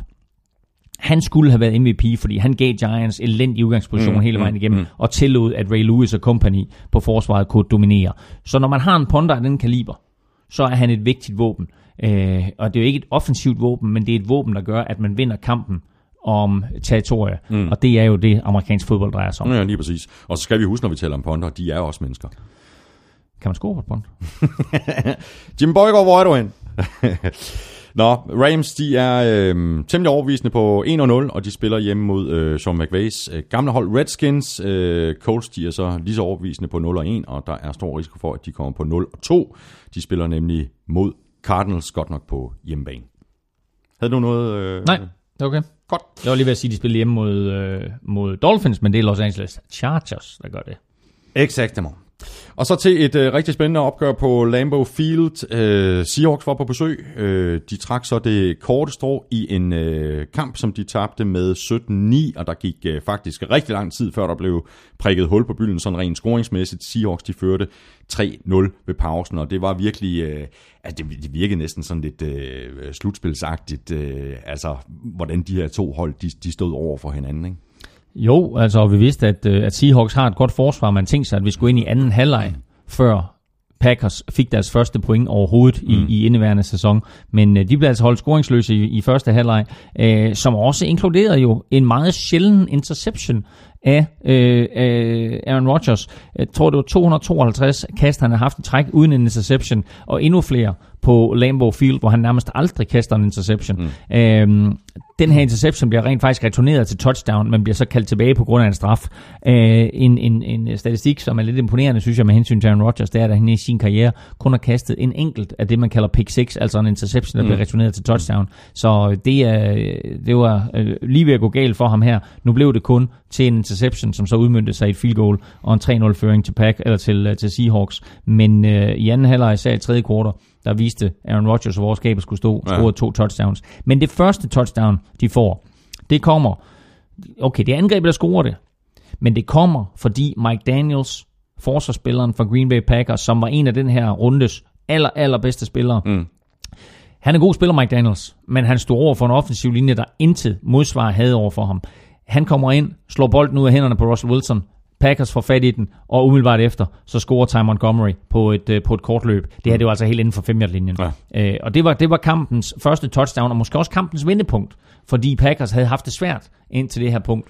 Øhm, og så må vi sige, så, så, kom, så kom Aaron Rodgers, så viste han, hvad han kunne resten af kampen, mm. og så ender det med en, en 17-9 sejr. Men det her Seahawks-mandskab med en eksplosiv øh, Russell Wilson, verdensmesteren i at improvisere, øh, et par ganske udmærkede våben øh, at kaste til, de laver 9 point. De laver tre field goals. Ja, det gør de. Ikke? har, men de har ikke nogen o-line, det har vi snakket om. Ja. Og så har de altså ikke noget løbespil. Nej, altså øh, overhovedet ikke. Øh, altså, øh, jeg vil sige, det mest positive, der kom ud af det her, det var den unge rookie Carson, mm. som, øh, som 39 yards, Chris Carson. Chris Carson, øh, som øh, overhaler CJ ProSize, overhaler Eddie Lacy mm. øh, som første running back. Så altså, øh, hvis man spiller fantasy football, så vil jeg gå ind og, og hente Carson, fordi han lader til, at, at han er første running backen hos Seahawks. Men bare lige, øh, bare lige for at runde øh, Seahawks øh, forsvar en gang til. Altså, den her front seven er jo fuldstændig out of this world. Mm. Men det jeg så også noterede mig, som så også gen- generede Aaron Rodgers i en stor del af den her kamp, var jo, at hvordan de mixer deres øh, forsvar op, alle deres coverages. Mm. Altså, det, de, de bytter rundt hele tiden. Altså, det er det- så levende, det her forsvar. Ja, det kan de tillade sig, fordi de har øh, fire rigtig dygtige spillere nede bagved. De har tre linebackers, som er super atletiske. De har et par defensive ends, som øh, kan stille op som defensive end eller defensive tackle. Og endda så vi Michael Bennett også droppe tilbage i coverage. Øh, en, en, en lille ting, som jeg bare lige vil sige her, som, som ikke har noget med at gøre med det, vi snakker om, det var, at Michael Bennett faktisk blev skadet undervejs i kampen. Mm. Øh, og så kommer øh, storebror Martellus Bennett hen, øh, og lige, som jo nu spiller tight end for Packers, Ja. og så lige tjekker på ham, og så så man de der to Bennett-brødre lige sidde og snakke der på banen. Og det var bare, jeg, jeg synes bare, det var et dejligt billede, at her der spiller du en brutal sport mellem to mandskaber, der er så meget på spil, og det er to mandskaber, der måske mødes i slutspillet igen, og så er man altså lige hentet i, altså der viser man bare, at øh, mm. blod, blodet er tykkere end... Øh, En Vicky Holm, jeg spiller for. Præcis, tak for den. øhm, og, og det, var, det var bare sådan en dejlig lille ting. Mm. Øh, men, men udover det, så, øh, så viste det her øh, Seahawks forsvar, at det er et rigtig godt forsvar. Men skal vi ikke lige vende den om, og så sige, det vidste vi. Mm-hmm. Det vi ikke vidste, det var, at Packers forsvar var så godt, som det så ud i den her kamp. Fordi var det her Packers forsvar en forsmag på, hvad, hvad de har at byde på resten af året, så er de pludselig med helt fremme i det, vi må kalde favoritterne til at komme i Super Bowl for Ja, NFC. fordi angrebet har de. Angrebet ved, hvad de har. Mm. De har en, en øh, fantastisk quarterback, de har en ganske udmærket running back i, i Ty Montgomery, de har nogle dejlige offensive våben, de har fået tilknyttet Martellus Bennett, som nævnt. Randall Cobb, Jordi Nielsen. Øh, ja, Devonta Adams. Ja. Ja. Øhm, så øh, hvis det her forsvar er så dygtigt, som vi så dem i søndags, så er Packers i mine øjne lige nu det bedste hold i NFC. Og Packers, de er 1-0, og de møder Falcons ude Sunday night. Uh, Seahawks, de er 0-1, og de er så 1-1 lige om lidt, fordi de spiller nemlig hjemme mod 49ers. Og som jeg skrev på mit momentometer, Packers hjemme mod Packers, Packers ude mod Falcons. Sig mig, er slutspillet gået i gang? Ja, fordi man skulle faktisk næsten uh, tro det, vi snakker også om lige før. Altså, det virker sådan fuldstændig slutspilsagtigt. Nogle af de her ting, som vi så, og de ting, som vi kan se frem til i den, i den næste spilrunde. Ikke? Jo, men det er også bare et hårdt, hårdt udlæg på sæsonen. Ej, ja, det må man med, sige. med, med, med to NFC-modstandere, som du ved, at der er stor sandsynlighed, Ja, ja, præcis. øh, at du kan komme til at møde i slutspil igen, og du ved, at godt nok så er det langt ud i fremtiden, men sådan nogle kampe som de her kan komme til at afgøre, hvem der bliver første seed og anden seed mm. i, i NFC. Så øh, det er en barsk start og en god start for Packers, må vi sige indtil videre. Og for Niners, de fik også en øh, barsk start øh, under Kyle Shanahan som ny øh, head coach. De fik, havde besøg af Panthers, der uden sådan at overbevise egentlig, alligevel vandt øh, kampen overbevisende med øh, 23-3.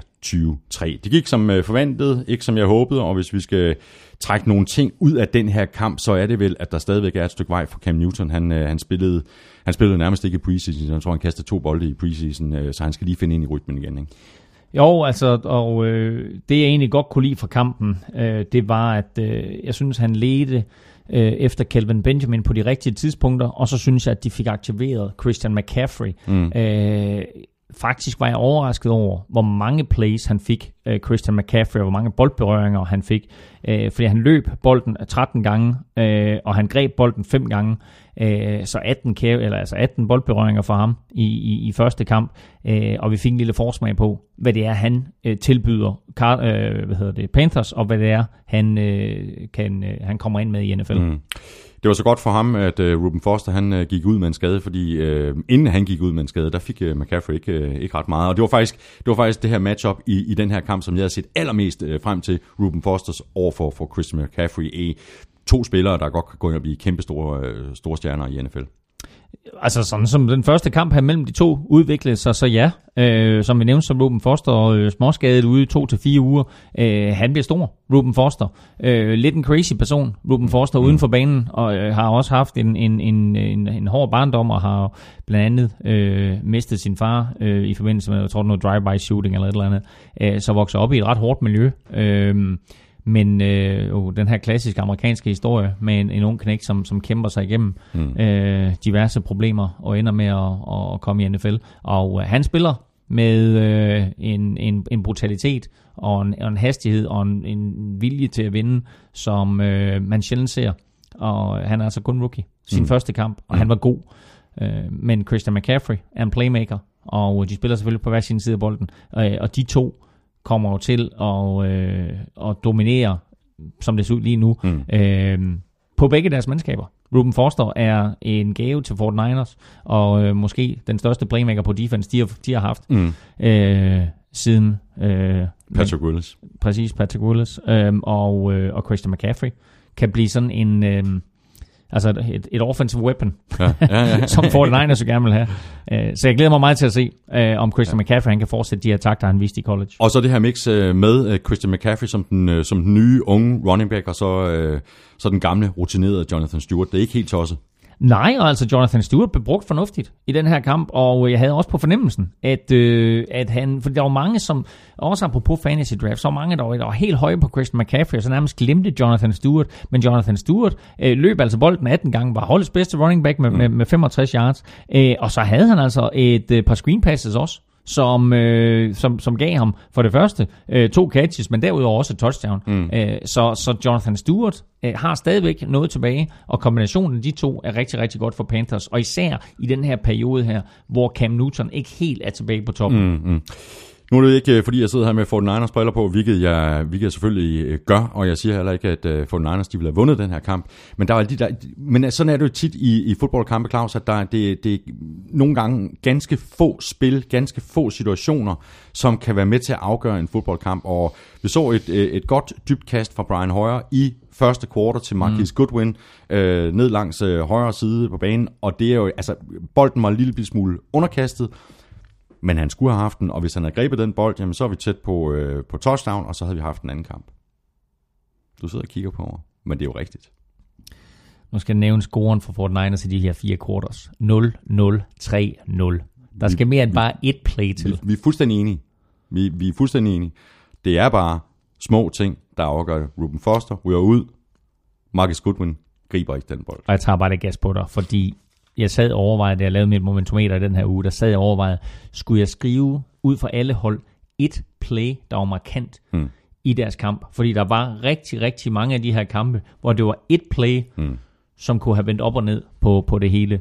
Øh, og det her, det var et af dem. Og jeg sad og tænkte, okay, øh, det, det, var, det, var, det var et spil, hvor hvis, hvis, det var, hvis Fort Niners havde scoret der, så kan det godt være, at det var blevet en anderledes kamp. Mm. Men altså, de var skuffende ineffektive. Ja, det var de i særdeleshed i anden halvleg, øh, må man bare sige. Og så, øh, bare, bare lige for runde øh, den her kamp af, så Kyle Shanahan, han, han går på den på, på to fjerde downs. Mm. Faktisk mere eller mindre midt på banen. Meget offensivt, øh, og, og konverterer ikke nogen af dem. Men altså, jeg kan meget godt lide, øh, jeg kan meget godt lide attituden, jeg kan meget godt lide øh, stilen, at øh, nu, nu kommer vi efter.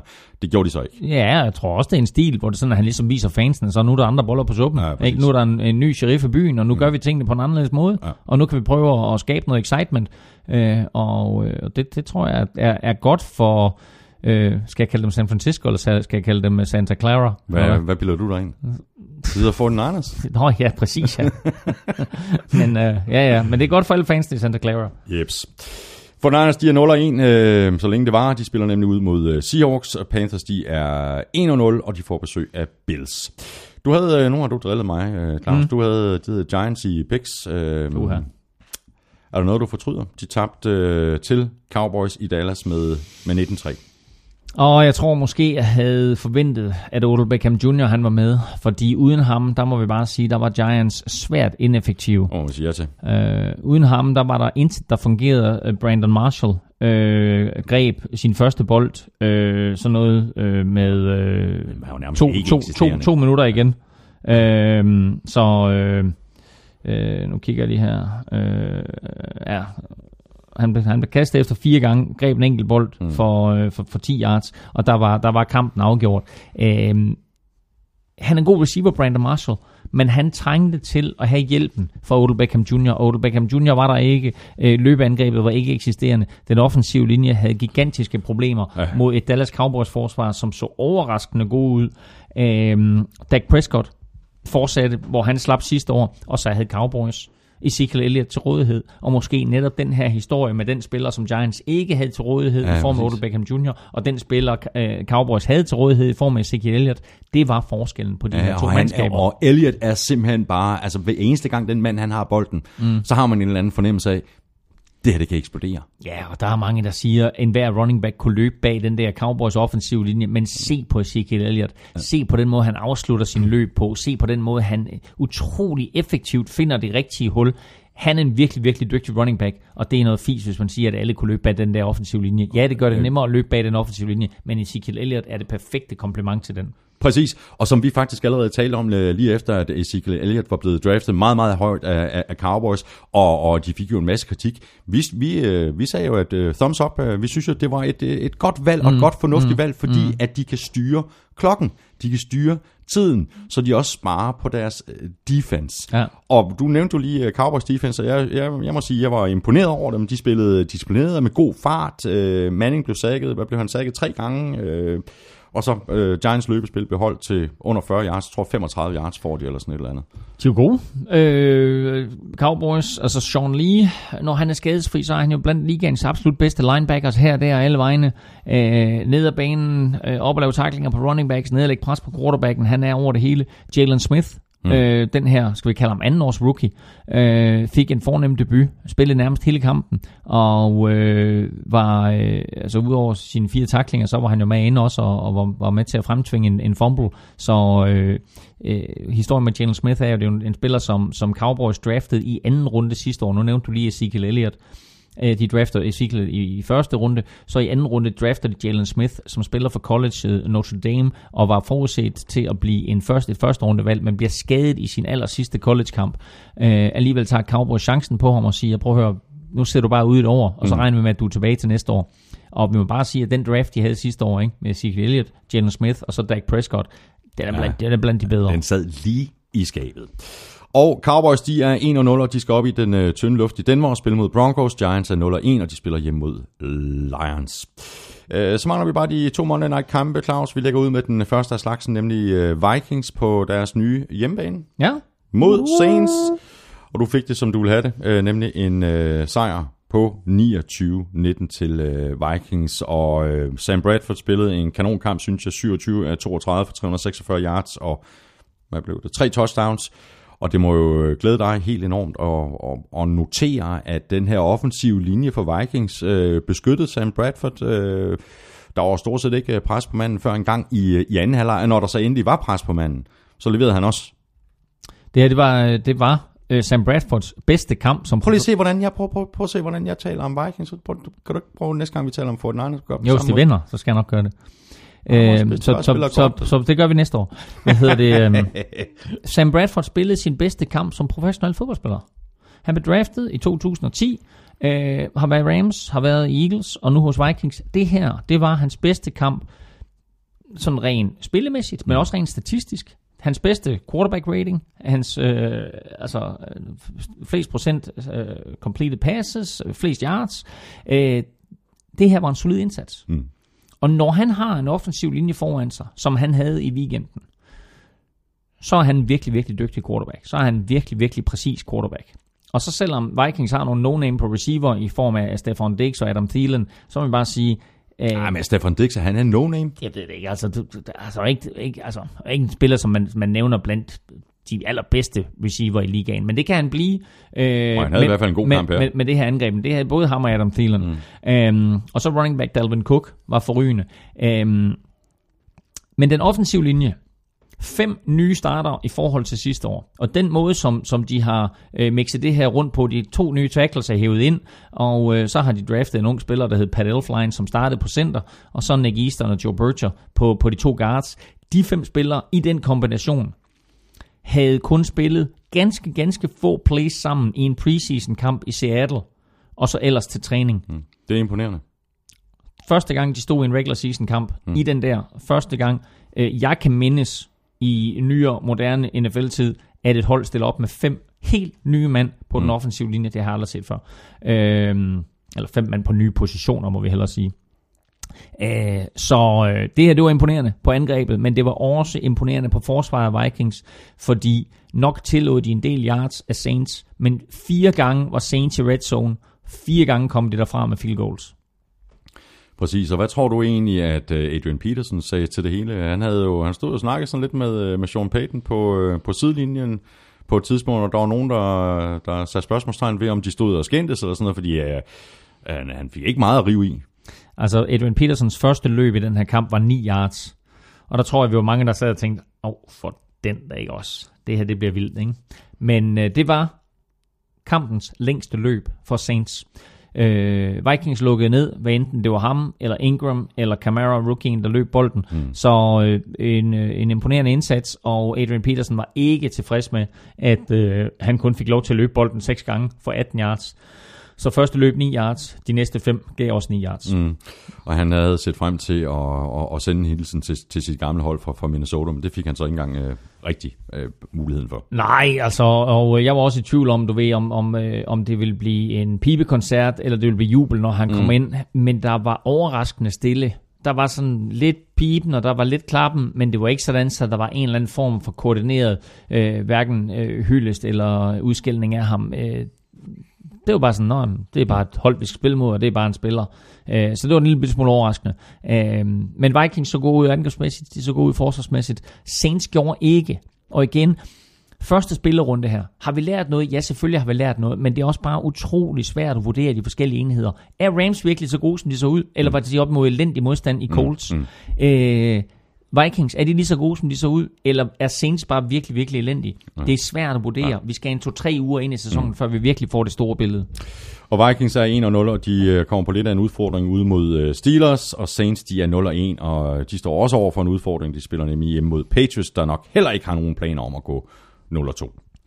Og så lige et øh, hurtigt sidste spiltip fra min side her, fordi øh, Vikings og Steelers øh, spiller en gentagelse af Super Bowl 10, og øh, Steelers er på hjemmebane, og de er store favoritter, de giver øh, 1,37 igen, Vikings giver 3,25 igen, og jeg vil bare sige, Den måde, som Steelers havde store problemer med at slå Cleveland på, og den måde, som Vikings let besejrede New Orleans Saints på, der kan Vikings sagtens gå ind og vinde den her kamp i Pittsburgh. Og hvad siger du, odds hvad? 3-25. 3,25, det er godt odds, og jeg kan godt finde på at smide lidt øh, mønt på den, men det er måske værd lige at notere, at det er altså Steelers på hjemmebane, og ikke på udebane, som det var mod Browns, og det er Vikings på udebane mod, Og, og det er klart, mod Steelers. og det er klart, at det betyder noget. Ben Roethlisberger er en helt anden spiller på hjemmebane, men Vikings Men så det er gode godt odds. Vikings så gode og 3,25 er bare et godt odds. Det er det bare. Og så er vi fremme ved den øh, sidste kamp, og det er den øh, sene Monday Night kamp, som Broncos vandt med 24-21 over øh, Chargers, og sikke en afslutning, efter at øh, Broncos havde ført med 24-7, så stod Chargers til allersidst med muligheden for enten at udligne eller score touchdown og vinde kampen. Og øh, det var jo tæt på, ikke? De, øh, han satte den jo op, deres øh, kicker, Chargers øh, kicker, nu kan jeg ikke huske, hvad han hedder. Han hedder øh, Q eller et eller andet. Øh, jeg kan ikke huske, Jeg, havde, hvor jeg sad og ventede på, at du skulle sige det. Young, Young Ho Q eller sådan Jamen, det noget. er præcis derfor, for han hedder nemlig, han hedder, prøv at høre, Young Ho. forestil, forestil dig, han hedder Young Ho, ikke? men de har, lagt, I- i- de, de har gjort en stor dyd ud af at sige, at han hedder Young Wei Ko, men det staves Young Ho Ko. Nej, jeg tror ikke, det er Ko, det er Ku. Young Ho Ku. Jeg havde glædet mig til, at du skulle sige Young Ho Ku. Fra nu af, der hedder han Young Wei Ku.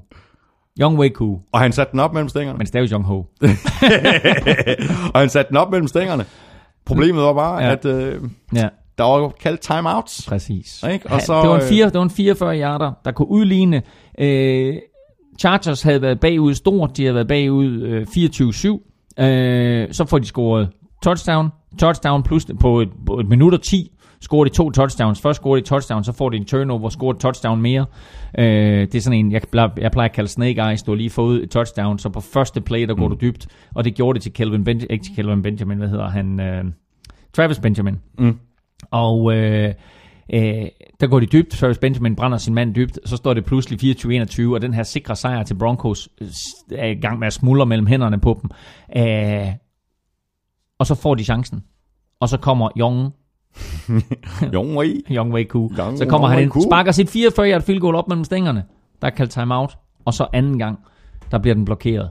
Og så Det ender er det, lige en her. lang finger, der kommer på, ikke? Ja, meget lang finger. Mm. Øhm, nej, der, der er en eller anden form for blokeringsfejl øh, på special teams her, fordi der er en Broncos-spiller, der kommer frit igennem, hopper op og øh, får, får blokeret sparket, som, som egentlig ser okay ud. Det er svært at vurdere selvfølgelig, men, men ser okay ud. Mm. Bliver blokeret, og så ender det hele med en Broncos-sejr på 24-21. Så den her spillerunde startede med en fantastisk brav af en kamp på øh, Gillette Stadium øh, mellem Chiefs og Patriots, og slutter med en kamp, som får en helt, helt, helt ja. genial afslutning. Kæmpe drama til sidst.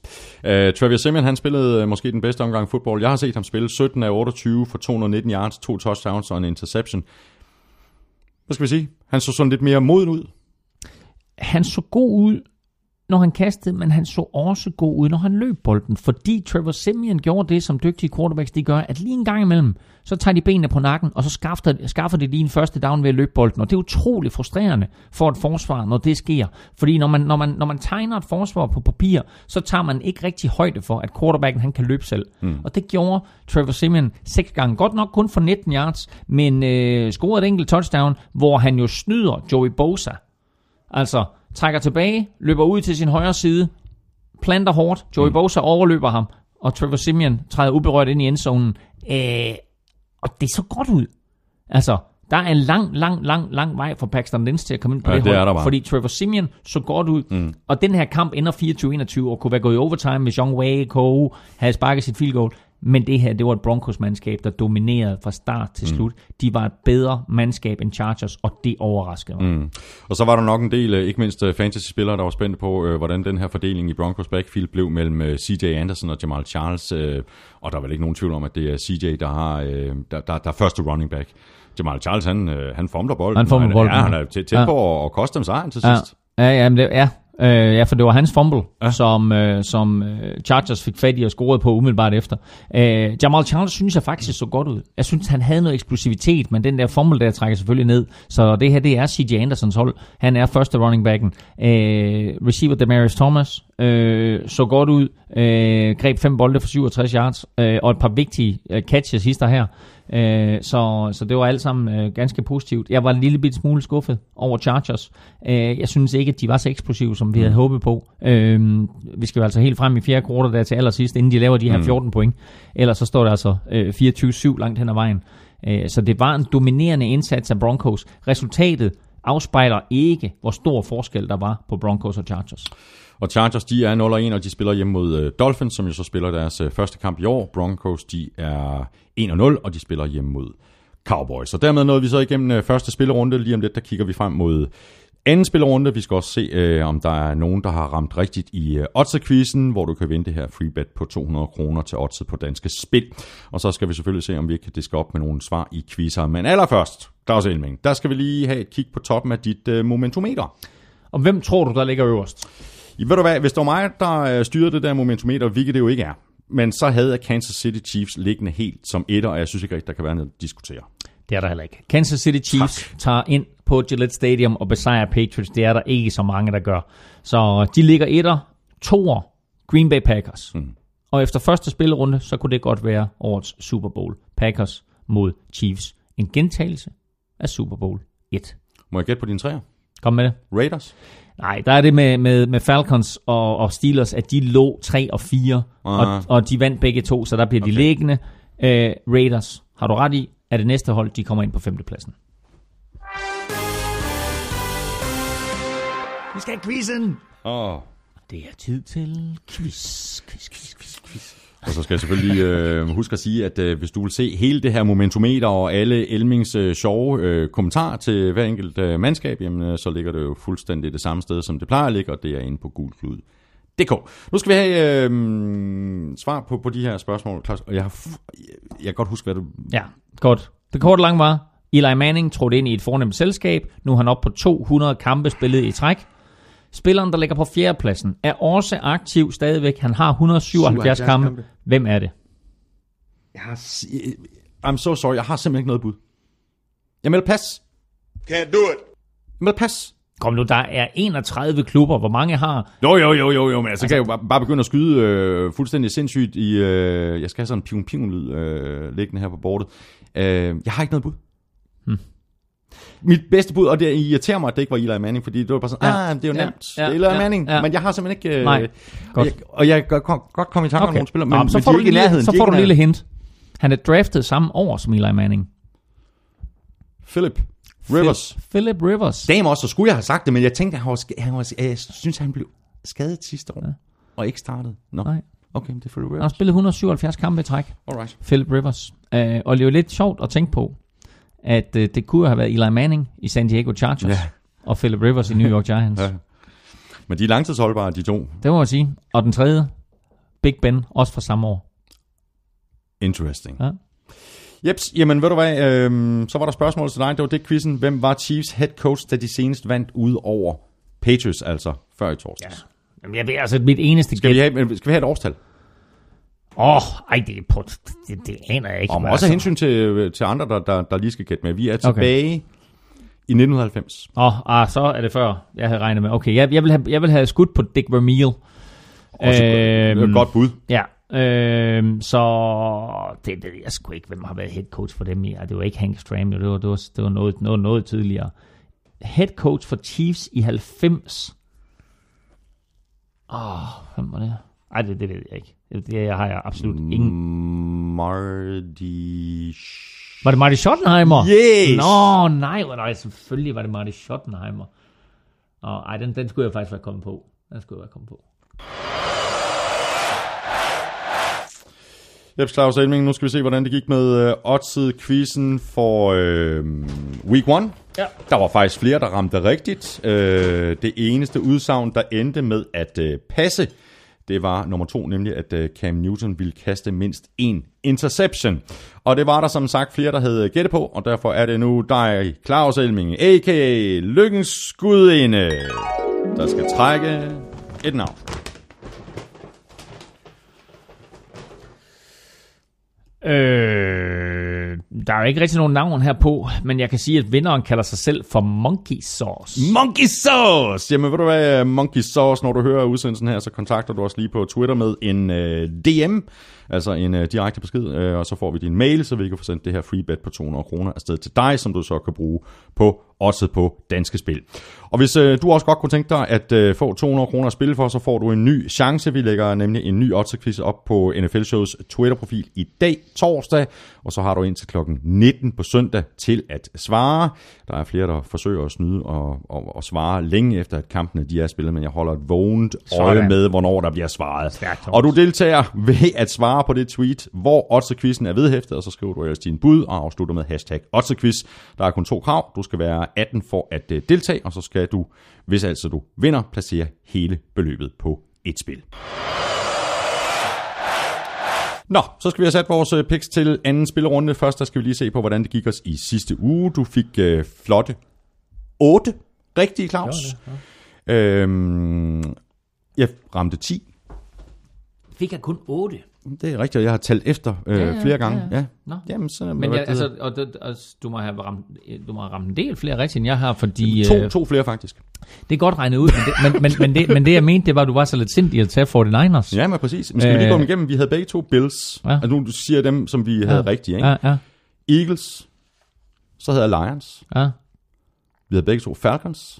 Vi havde begge to Steelers. Mm. Vi havde begge to Rams. Vi havde begge to Packers. Så havde du Panthers. Ja. Så havde jeg Cowboys Mm. og Broncos. Og vi havde begge to Vikings. Okay. Det giver simpelthen 10-8. Jamen, det er godt. Så er der en chance for, at du... Ja, men øh, som Lukas Wilhelmsen skrev til mig i går, øh, før du kommer alt for godt i gang, øh, kort med at hovere, så var det her faktisk med 10 rigtige, faktisk min dårligste åbning.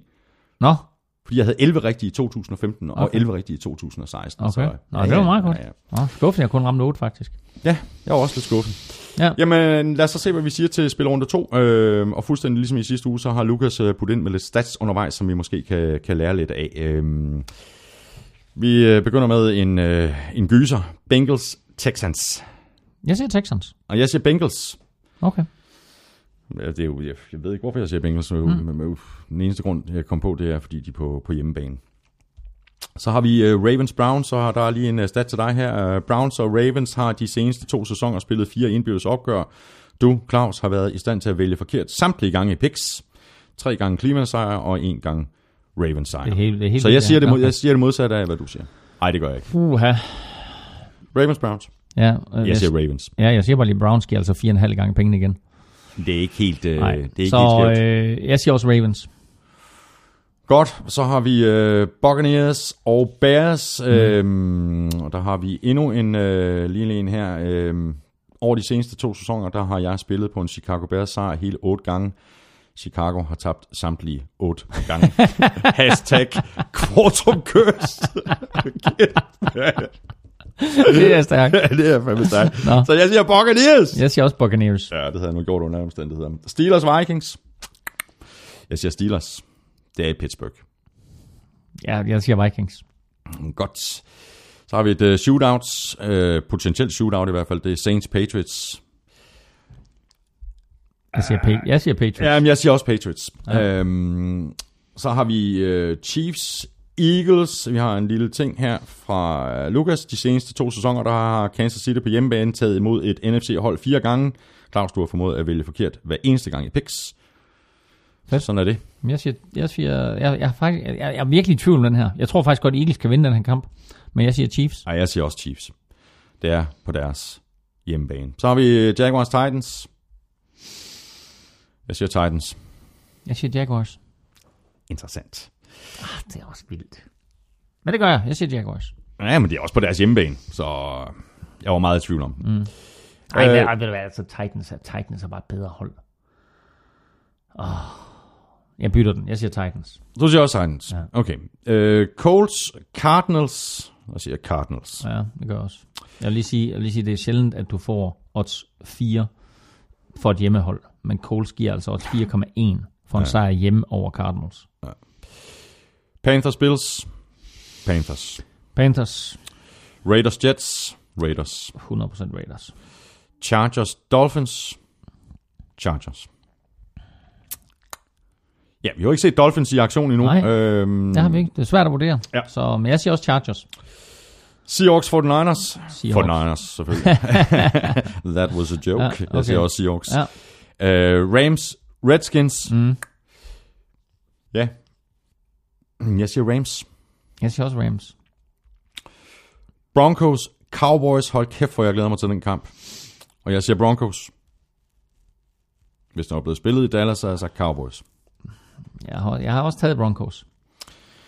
Og så har vi øh, Falcons Packers, mm. og der er en øh, lille en til øh, mig, tror jeg. Jeps, øh, af de seneste syv gange, du har valgt et nederlag til Atlanta, der har Atlanta blot tabt en. En fornem 1-6 record, når du spiller imod Matt Ryan og company. Ja, men øh, ved du hvad? Øh, jeg har skrevet Packers. Jeg har også taget Packers. Har du også taget Packers? Ja. ja, det er interessant. Jeg var meget tæt på at skrive, ja. Ja. skrive Packers, men det... Øh... Så har vi den sidste. Giants, Lions. Ja. Øh, den er også vild, ikke? Jeg, siger, jeg Giants siger. Giants. Jeg Giants siger, jeg siger Giants hjem. Åh, oh, jeg har Lions stående her. Øhm, jeg er sindssygt meget i tvivl. Ja, det er også. Øhm, men jeg, jeg, tror, jeg tror, Giants forsvar lukker ned for Matt Stafford og company, så jeg siger Giants. Jeps, jamen øh, Claus, så er vi igennem det, øh, og sådan blev det. Og hvis det ikke er nok for dig, øh, sådan bare at vælge kampe, så skulle du tage at gå ind på gulklud.dk, hvor der er den der lidt øh, udvidede udgave af det her Pix-spil. Og øh, selvom sæsonen er gået i gang, Claus, så er det ikke for sent at være med, vel? Det er, det er jo aldrig for sent at være med i NFL Picks. Øh, For det første er der prøverunde i den her uge, øh, som er fuldstændig frit lejde. Øh, Men ønsker man at spille med om hovedpræmier, som er en rejse til øh, London. Og jeg vil lige sige, at der er to rejser til London i år. En, som er sådan en midtvejspræmie, så der er altså mulighed for allerede midt i sæsonen at spille med i, i kampen om, om rejse til London. Øh, og øh, to, så er der selvfølgelig en stor rejse til sidst. Øh, og så kommer der altså yderligere en hovedpræmie, som vi først løfter sløret for i næste uge. Spændende. Øhm, men det fede det er jo også, at du kan jo spille med en givende uge. Der er ugepræmier hver Mm, eneste mm. uge. Vi har, øh, vi har præmier fra, fra Philips og Danske Spil, og øh, det er... Altså det er uanset om, om du lige er med i uge 2, så kan du gå med igen i uge 5. Der er masser af gode grunde til at gå ind Præcis. på google.dk. Tak for det, Elming. Det har været en fornøjelse som, øh, som altid. Også en stor tak til vores øh, gode venner og sponsorer, Odds på Danske Spil og Tafel. Og tak til dig, fordi du har lyttet med. Hvis du har spørgsmål eller kommentarer, så er du som altid velkommen på Twitter og på mailsnabelag.nflshow.dk. Husk at tjekke NFL Show på Twitter hver tirsdag, hvor Elming og jeg nominerer tre spillere til ugens spillere. Husk så også, at vi hver torsdag sætter gang i Odds-quizzen. Tak for nu. Vi høres ved. NFL-showet er produceret af Kvartrup Media, der også producerer Born Unplugged, og som noget nyt er der her i dag torsdag smidt en ny podcast på gaden om Champions League. Den hedder Champions League-showet, og i næste uge der kommer der så med en podcast om Premier League. Den hedder Premier League-showet. Meget opfindsomt. NFL-showet tilbage igen på torsdag i næste uge. Ha' det godt så længe. Hold godt.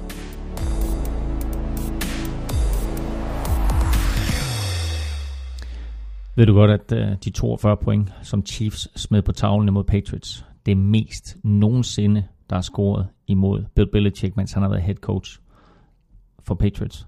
Og ved du, hvad Bill Belichick han sagde? Hvad sagde han? Nej, stop, jeg kan ikke mere.